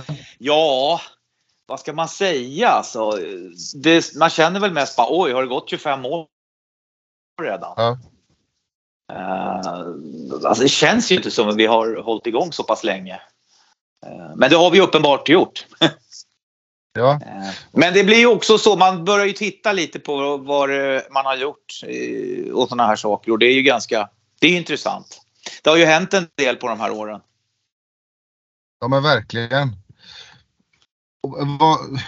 Det går väl inte att beskriva det på något enkelt sätt men vad, hur, hur upplever du att Öl-Sverige har förändrats sen ni startade? Liksom? Förutom att det är ett ökat intresse såklart. Men hur, hur går det att summera det där på något vis? Ja, jag vet inte. jag vet inte. Alltså, det, alltså, egentligen så känns det ju som att eh, när vi startade då rullade ju allting förhållandevis eh, långsamt. Eh, liksom, och så ökade det lite varvet mm, varje år. Men sen då när det blev superhippt och coolt att brygga öl, då blev det ju som en orkan på något vis. Ja. Eh, Jag menar, alla startarbryggerier och importörerna var ju galna och plocka in allt som bryggdes liksom. Så att, eh, och då blev det ju faktiskt så, i alla fall i mitt fall, man var tvungen att släppa eh, branschen. Det gick inte att hänga med liksom. Men, när ungefär i tid upplever du att det här var? Ja men det är väl egentligen runt eh, 16, 17, 2016, 2017. Ja, Just det. Ja, jag håller med. Det är lite samma med mig. Fram till dess hade man lite koll på vad som hände. Men det går ju inte att ha det längre på det sättet. Nej, precis. Man visste vilka nya bryggerier som startades och hade liksom tid att kolla egentligen. Ja, vilka är det som har startat det där och vad, vad kommer de från? Är det hembryggare eller var det några importörer eller någon sommelier och sådär. Men då så bara, det kändes som man blev omblåst på motorvägen av något. Bara. Men hur, hur ehm, när ni startade, minns du vad ni hade liksom för mål då? Om någon hade sagt att ni ska ha ett 25-årsjubileum, hade du trott på det liksom? Eller vad, vad var tanken när ni startade allting? Ja, men det tror jag nog egentligen att vi tänkte att vi skulle bli långvariga. Men tanken var egentligen att vi skulle kunna eh, brygga runt 300 000 liter öl per år och kunna försörja oss fyra som drog igång. Det var vårt mål egentligen. Ja. Eh, Och sen då, ja egentligen alltså, vi, vi har ju alltid varit intresserade med traditionell öl om man säger så. Det. vi, vi, vi har ju druckit, ja vi insåg ju när vi var någon gång där slutet av 80-talet att det fanns ju så mycket mer öl än vad som man kunde dricka i Sverige om man säger så. Eh, Och reste runt där lite bland länderna i Europa. Men eh, det var nog egentligen tanken att det skulle bli eh, långvarigt. Men, men då gällde det att få snurr på det hela också. Och när, när kände ni att ni började så här, nu kan vi leva på det här? Tog det några år eller hur var det? Oj, oj, oj. Det tog år. Ja. alltså, jag vet inte om... Vi körde väl tio år innan vi, någon av oss kunde få semester tror jag. Var det var så? Ja. ehm, men det började väl... Kan det ha varit där någonstans eh, 04? Någonting. Då började det väl rulla. Um, och så växte vi ur de lokalerna vi hade då. Vi, vi renoverade ju upp den här elverkets gamla lokal under 2005 och så kom vi in där 2006 och ja, då tredubblade ju vi våran volym liksom. Mm. Så det var väl då det började rulla på ordentligt. Ja, men du sa lite tidigare här att ni gillar ju traditionella ölstilar och sådär. Men om, om du skulle, förutom det, om du skulle liksom beskriva vad är liksom Nynäshamns själ liksom, för er, utifrån ert perspektiv? Och hur skulle du beskriva den? Vad är det som bygger upp den? Liksom? Ja, alltså det är väl egentligen eh, traditionella ölstilar eh, med balans och eh, hög kvalitet. Ehm, just kvaliteten har vi ju jobbat på hårt genom åren. Ehm, vi var ju med om en period när det startades en del mindre bryggerier och det var väldigt svajigt. Så man har ju träffat många krögare som har berättat att eh, ehm, framförallt då efter ett antal år när vi, ja, när vi vidgade oss lite, började sälja på lite större, eh, ja, utanför vårt kärnområde om man säger så. Eh, bara, "Åh, är det ytterligare ett bryggeri nu som kommer här och lovar runt och håller tunt liksom. Men, men det, det ville vi inte vara. Vi har ju haft alltid eh, jobbat hårt med kvaliteten och många gånger har ju Systembolaget återkopplat och sagt att ni har ju historiskt låga reklamationer i ert bryggeri liksom. Ja, det är så. Ja, vad kul. Ja, så att eh, stabilt. kvaliteten, stabilitet och kvalitet, eh, traditionella ölstilar. Något annat som, som du tycker är liksom kännetecknar er? Det kanske är svårt att beskriva det där själv i och för sig. Ja. Ja, men jag tänker så här, eh, om jag bara säger mitt perspektiv och ser vad du håller med eller inte. Men jag har ändå upplevt eh, en stor, och det hänger ju väldigt ihop med vad ni brygger och inte brygger, men en väldigt stor, eh, stor portion integritet tycker jag att ni har. Mm. Och sen det, väl- ni verkar tycka att det är viktigt med hela den här lite ägandefrågan, att det är ni som äger och bestämmer. Och, Ja men så är och det. sen, Att vi är oberoende är ju enormt viktigt. Ja. Vi, vi har ju Har fått, fått- framstötar genom åren eh, gällande, ja framförallt då riskkapital och, och så som vill komma in. ja. Men eh, vi har väl ett antal historier som vi inte är så imponerade av så att vi har ju alltid sett till att dem borta. Men, vad är det som är största faran med det tänker du? För er, för er del, vad skulle det vara? Ja men man, då, man sätter ju upp en plan då. Och sen om någonting då händer och man inte lyckas hålla den planen. Ja Mm. då losar ju en del av företaget och i värsta fall hela företaget.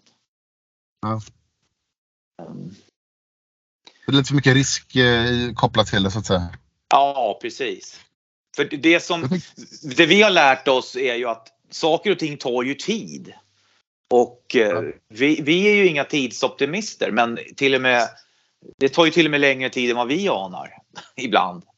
Och, och, och, då är det ju svårt att stå och, och prata med eh, någon som har satt in en massa pengar och, och så här ser planen ut och så bara ursäkta det kommer ta två år till.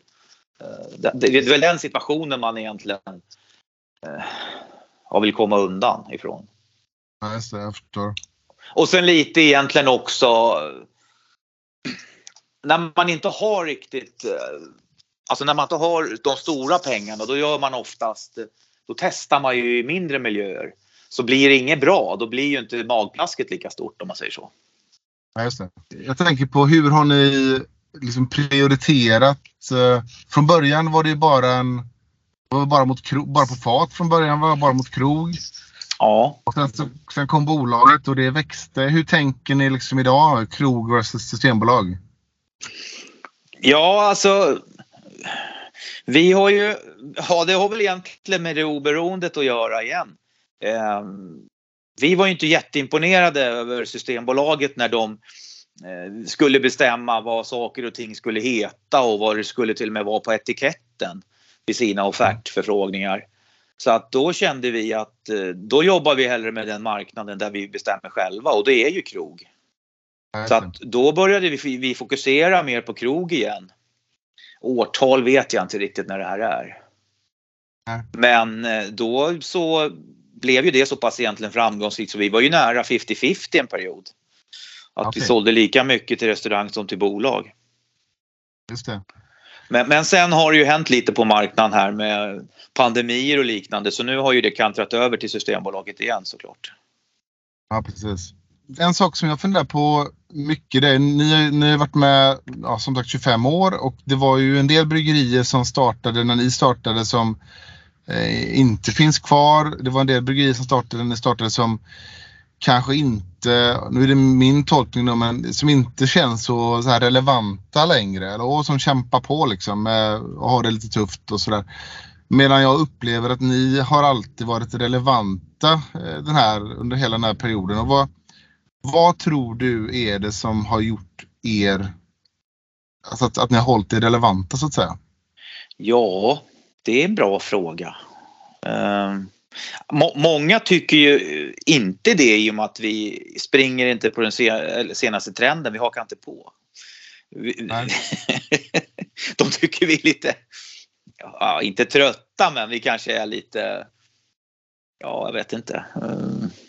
Men jag vet inte om det kan vara det kanske som är eh, grejen att vi, ja, jag vet inte om vi säger att vi går vår egen väg men att vi, vi, vi jobbar med det vi själva känner att det är vettigt att jobba med.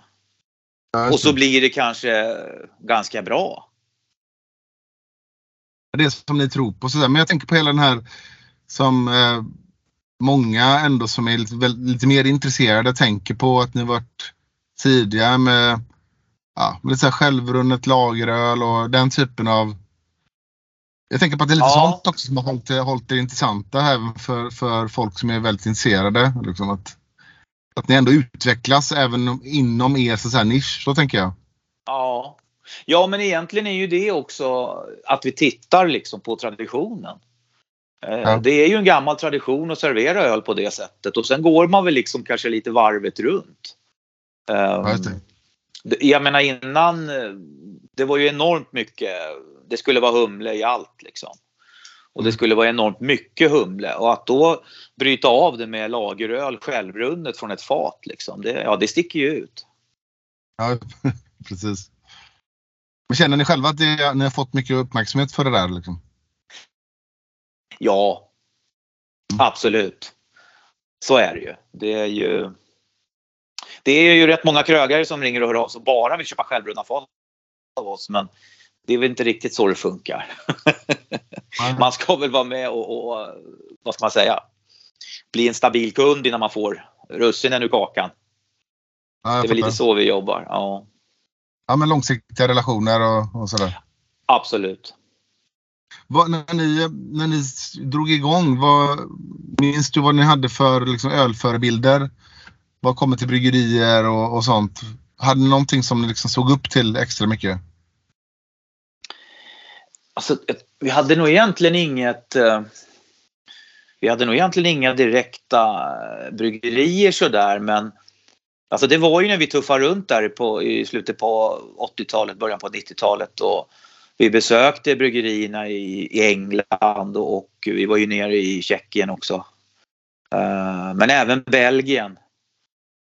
Um, och uh, det var väl då egentligen, det, alltså det var ju brittiskt och, och, och tjeckiskt och sen belgisk öl som gjorde intrycken på oss såklart. Men det är inte så konstigt, det är ju vaggan till mycket. Men framförallt var det ju, ja, alltså mycket brittisk ale.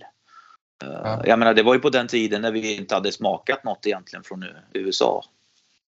Ja, precis. Det var innan det kom till Sverige i stor skala. Ja, precis.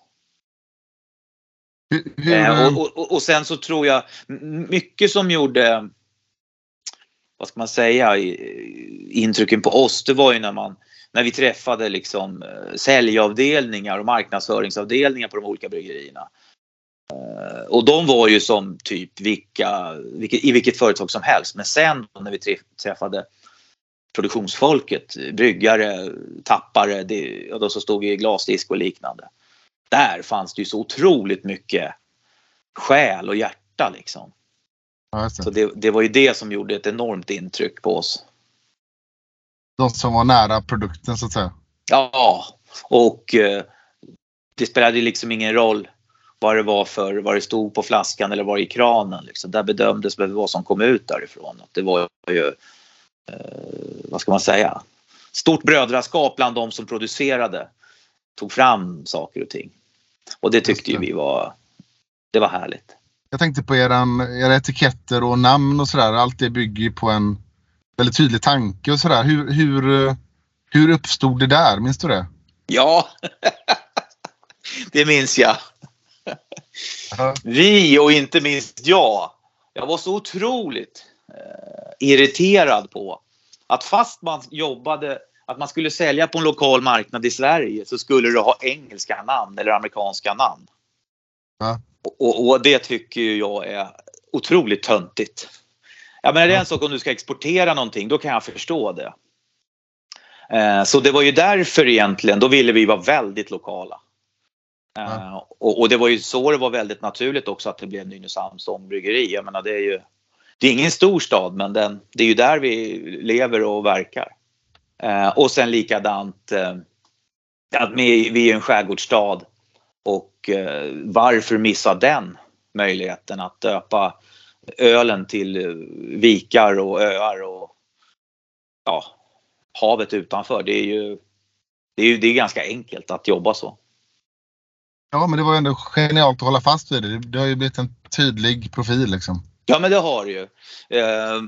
Jag menar Indianviken, India Pale Ale, den var ju våran andra öl vi fick fram egentligen. Och det var enormt många som dömde ut det namnet. Det var ju så långt. Det var så svårt att komma ihåg. Men det var ju många som mindes den som, ja det är den där ölen med det där långa namnet. Ja, just det. Men det, det måste väl ha varit eh, första sådär, IPAn som kallades IPA i, i Sverige, eller? Ja, det, det är jag ganska övertygad om att det var. Ja. Eh, För det var ju alltså redan 97 då. Ja, just det. Så att det, det, är lite- det, det tror jag att det var. Det är ändå lite coolt. Det kan ändå smälla folk på fingrarna som tycker att ni är mossiga när Ja. ni inte har New England-IPA. Ska ni säga Ja, men- att ni var först med i? Sverige? Ja. Ja men alltså faktiskt är det ju flera som eh, kommer med lite sådana påståenden ibland. Alltså rimligen var det inte ni som hade den första så säger de någon ölsort. Ja, alltså det borde det ju ha varit. Vad kan det ha varit innan? Men det är liksom, Ja, men precis. det är väl, men det är, ja det är ju, det är ju faktiskt coolt, det är det ju. Ja, det är verkligen coolt. Vad, vad, hur ser ni på liksom framtiden? Ni, jag har ju varit ute hos er och det är svårt att, om jag förstått det rätt, växa i de lokalerna. Eh, Är ni nöjda som det är eller ser ni att ni kommer gå någon annan väg liksom, framöver? Ja, alltså. Sen pandemin slog till egentligen och, och sen då så har det ju byggts på nu med krig och ja, inflation och energipriser och allting. Eh, vi, vi hade ju en eh, expansionstanke såklart. Ehm, eh, vi tittade ju på, på att köpa mark av kommunen runt 2012. Ehm, men det gick i stöpet. Ehm, de, de trodde att vi låg närmare Arlanda än vad vi gjorde tror jag med de markpriserna. Okej. Eh, Men, men eh, just nu har det ju blivit lite mer att förvalta och, och ta företaget vidare i de kriser som har varit. Ja, just det. Eh, Men vi har ju en tanke med att, att sätta upp en, eh, någon form av eh, produktionsanläggning. Eh, Men kanske man börjar, vi, vi, gör det, tar det lite vackert sådär och, och börjar med kanske lager och, och tapphall och liknande och sen då så gör man en, en, en produktions, ett produktionsverk egentligen där det är lite enklare att brygga än i, i den här gamla byggnaden vi har då. Just det. Ja, Men eh, vi har ju ingen, det är inte tidsatt kan jag säga. Det kommer när det kommer. Ja, precis. Då ser vi fram emot ytterligare 25 år helt enkelt. Ja, men det får vi göra. Det, det tycker jag. Eh, än så länge så rullar det ju faktiskt på. Och så är det ju kul Ja. med jubileumsfesterna. Ja men exakt. Kunde tyvärr inte komma på den i somras men jag hörde att det var kul. Ja, det var kul. Det var väldigt kul. Det, det är kul att träffa på många från, från förr om man säger så. Jag menar, när, när vi startade, alltså det är ju ändå 25 år sedan och då var ju Sverige ett helt annat öland. Så Att, eh, kul att stå och prata minnen. Du får tacka så jättemycket för att du tog dig tid. Varsågod. Bra, Ha det bra. bra.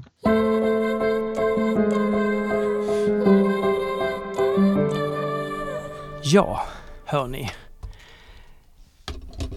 Om man tänker sig nästa avsnitt. Vad ska vi då eh, ta upp för något ämne? Ja, men nu tog vi ju Nynäshamn. Ja, Eller så här, det blev för att de hade... Vi tar, vi tar Stibergs bryggeri. Gräver där vi står. Ja.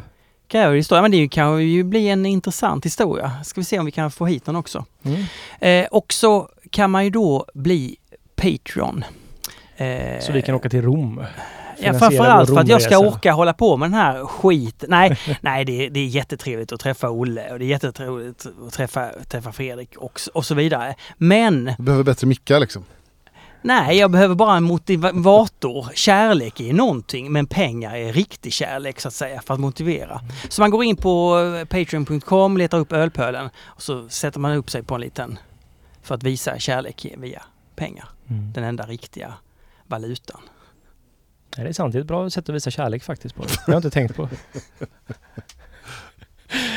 Och så man ska gå med i Svenska Ölfrämjandet. Så hörs vi om en månad. Hej!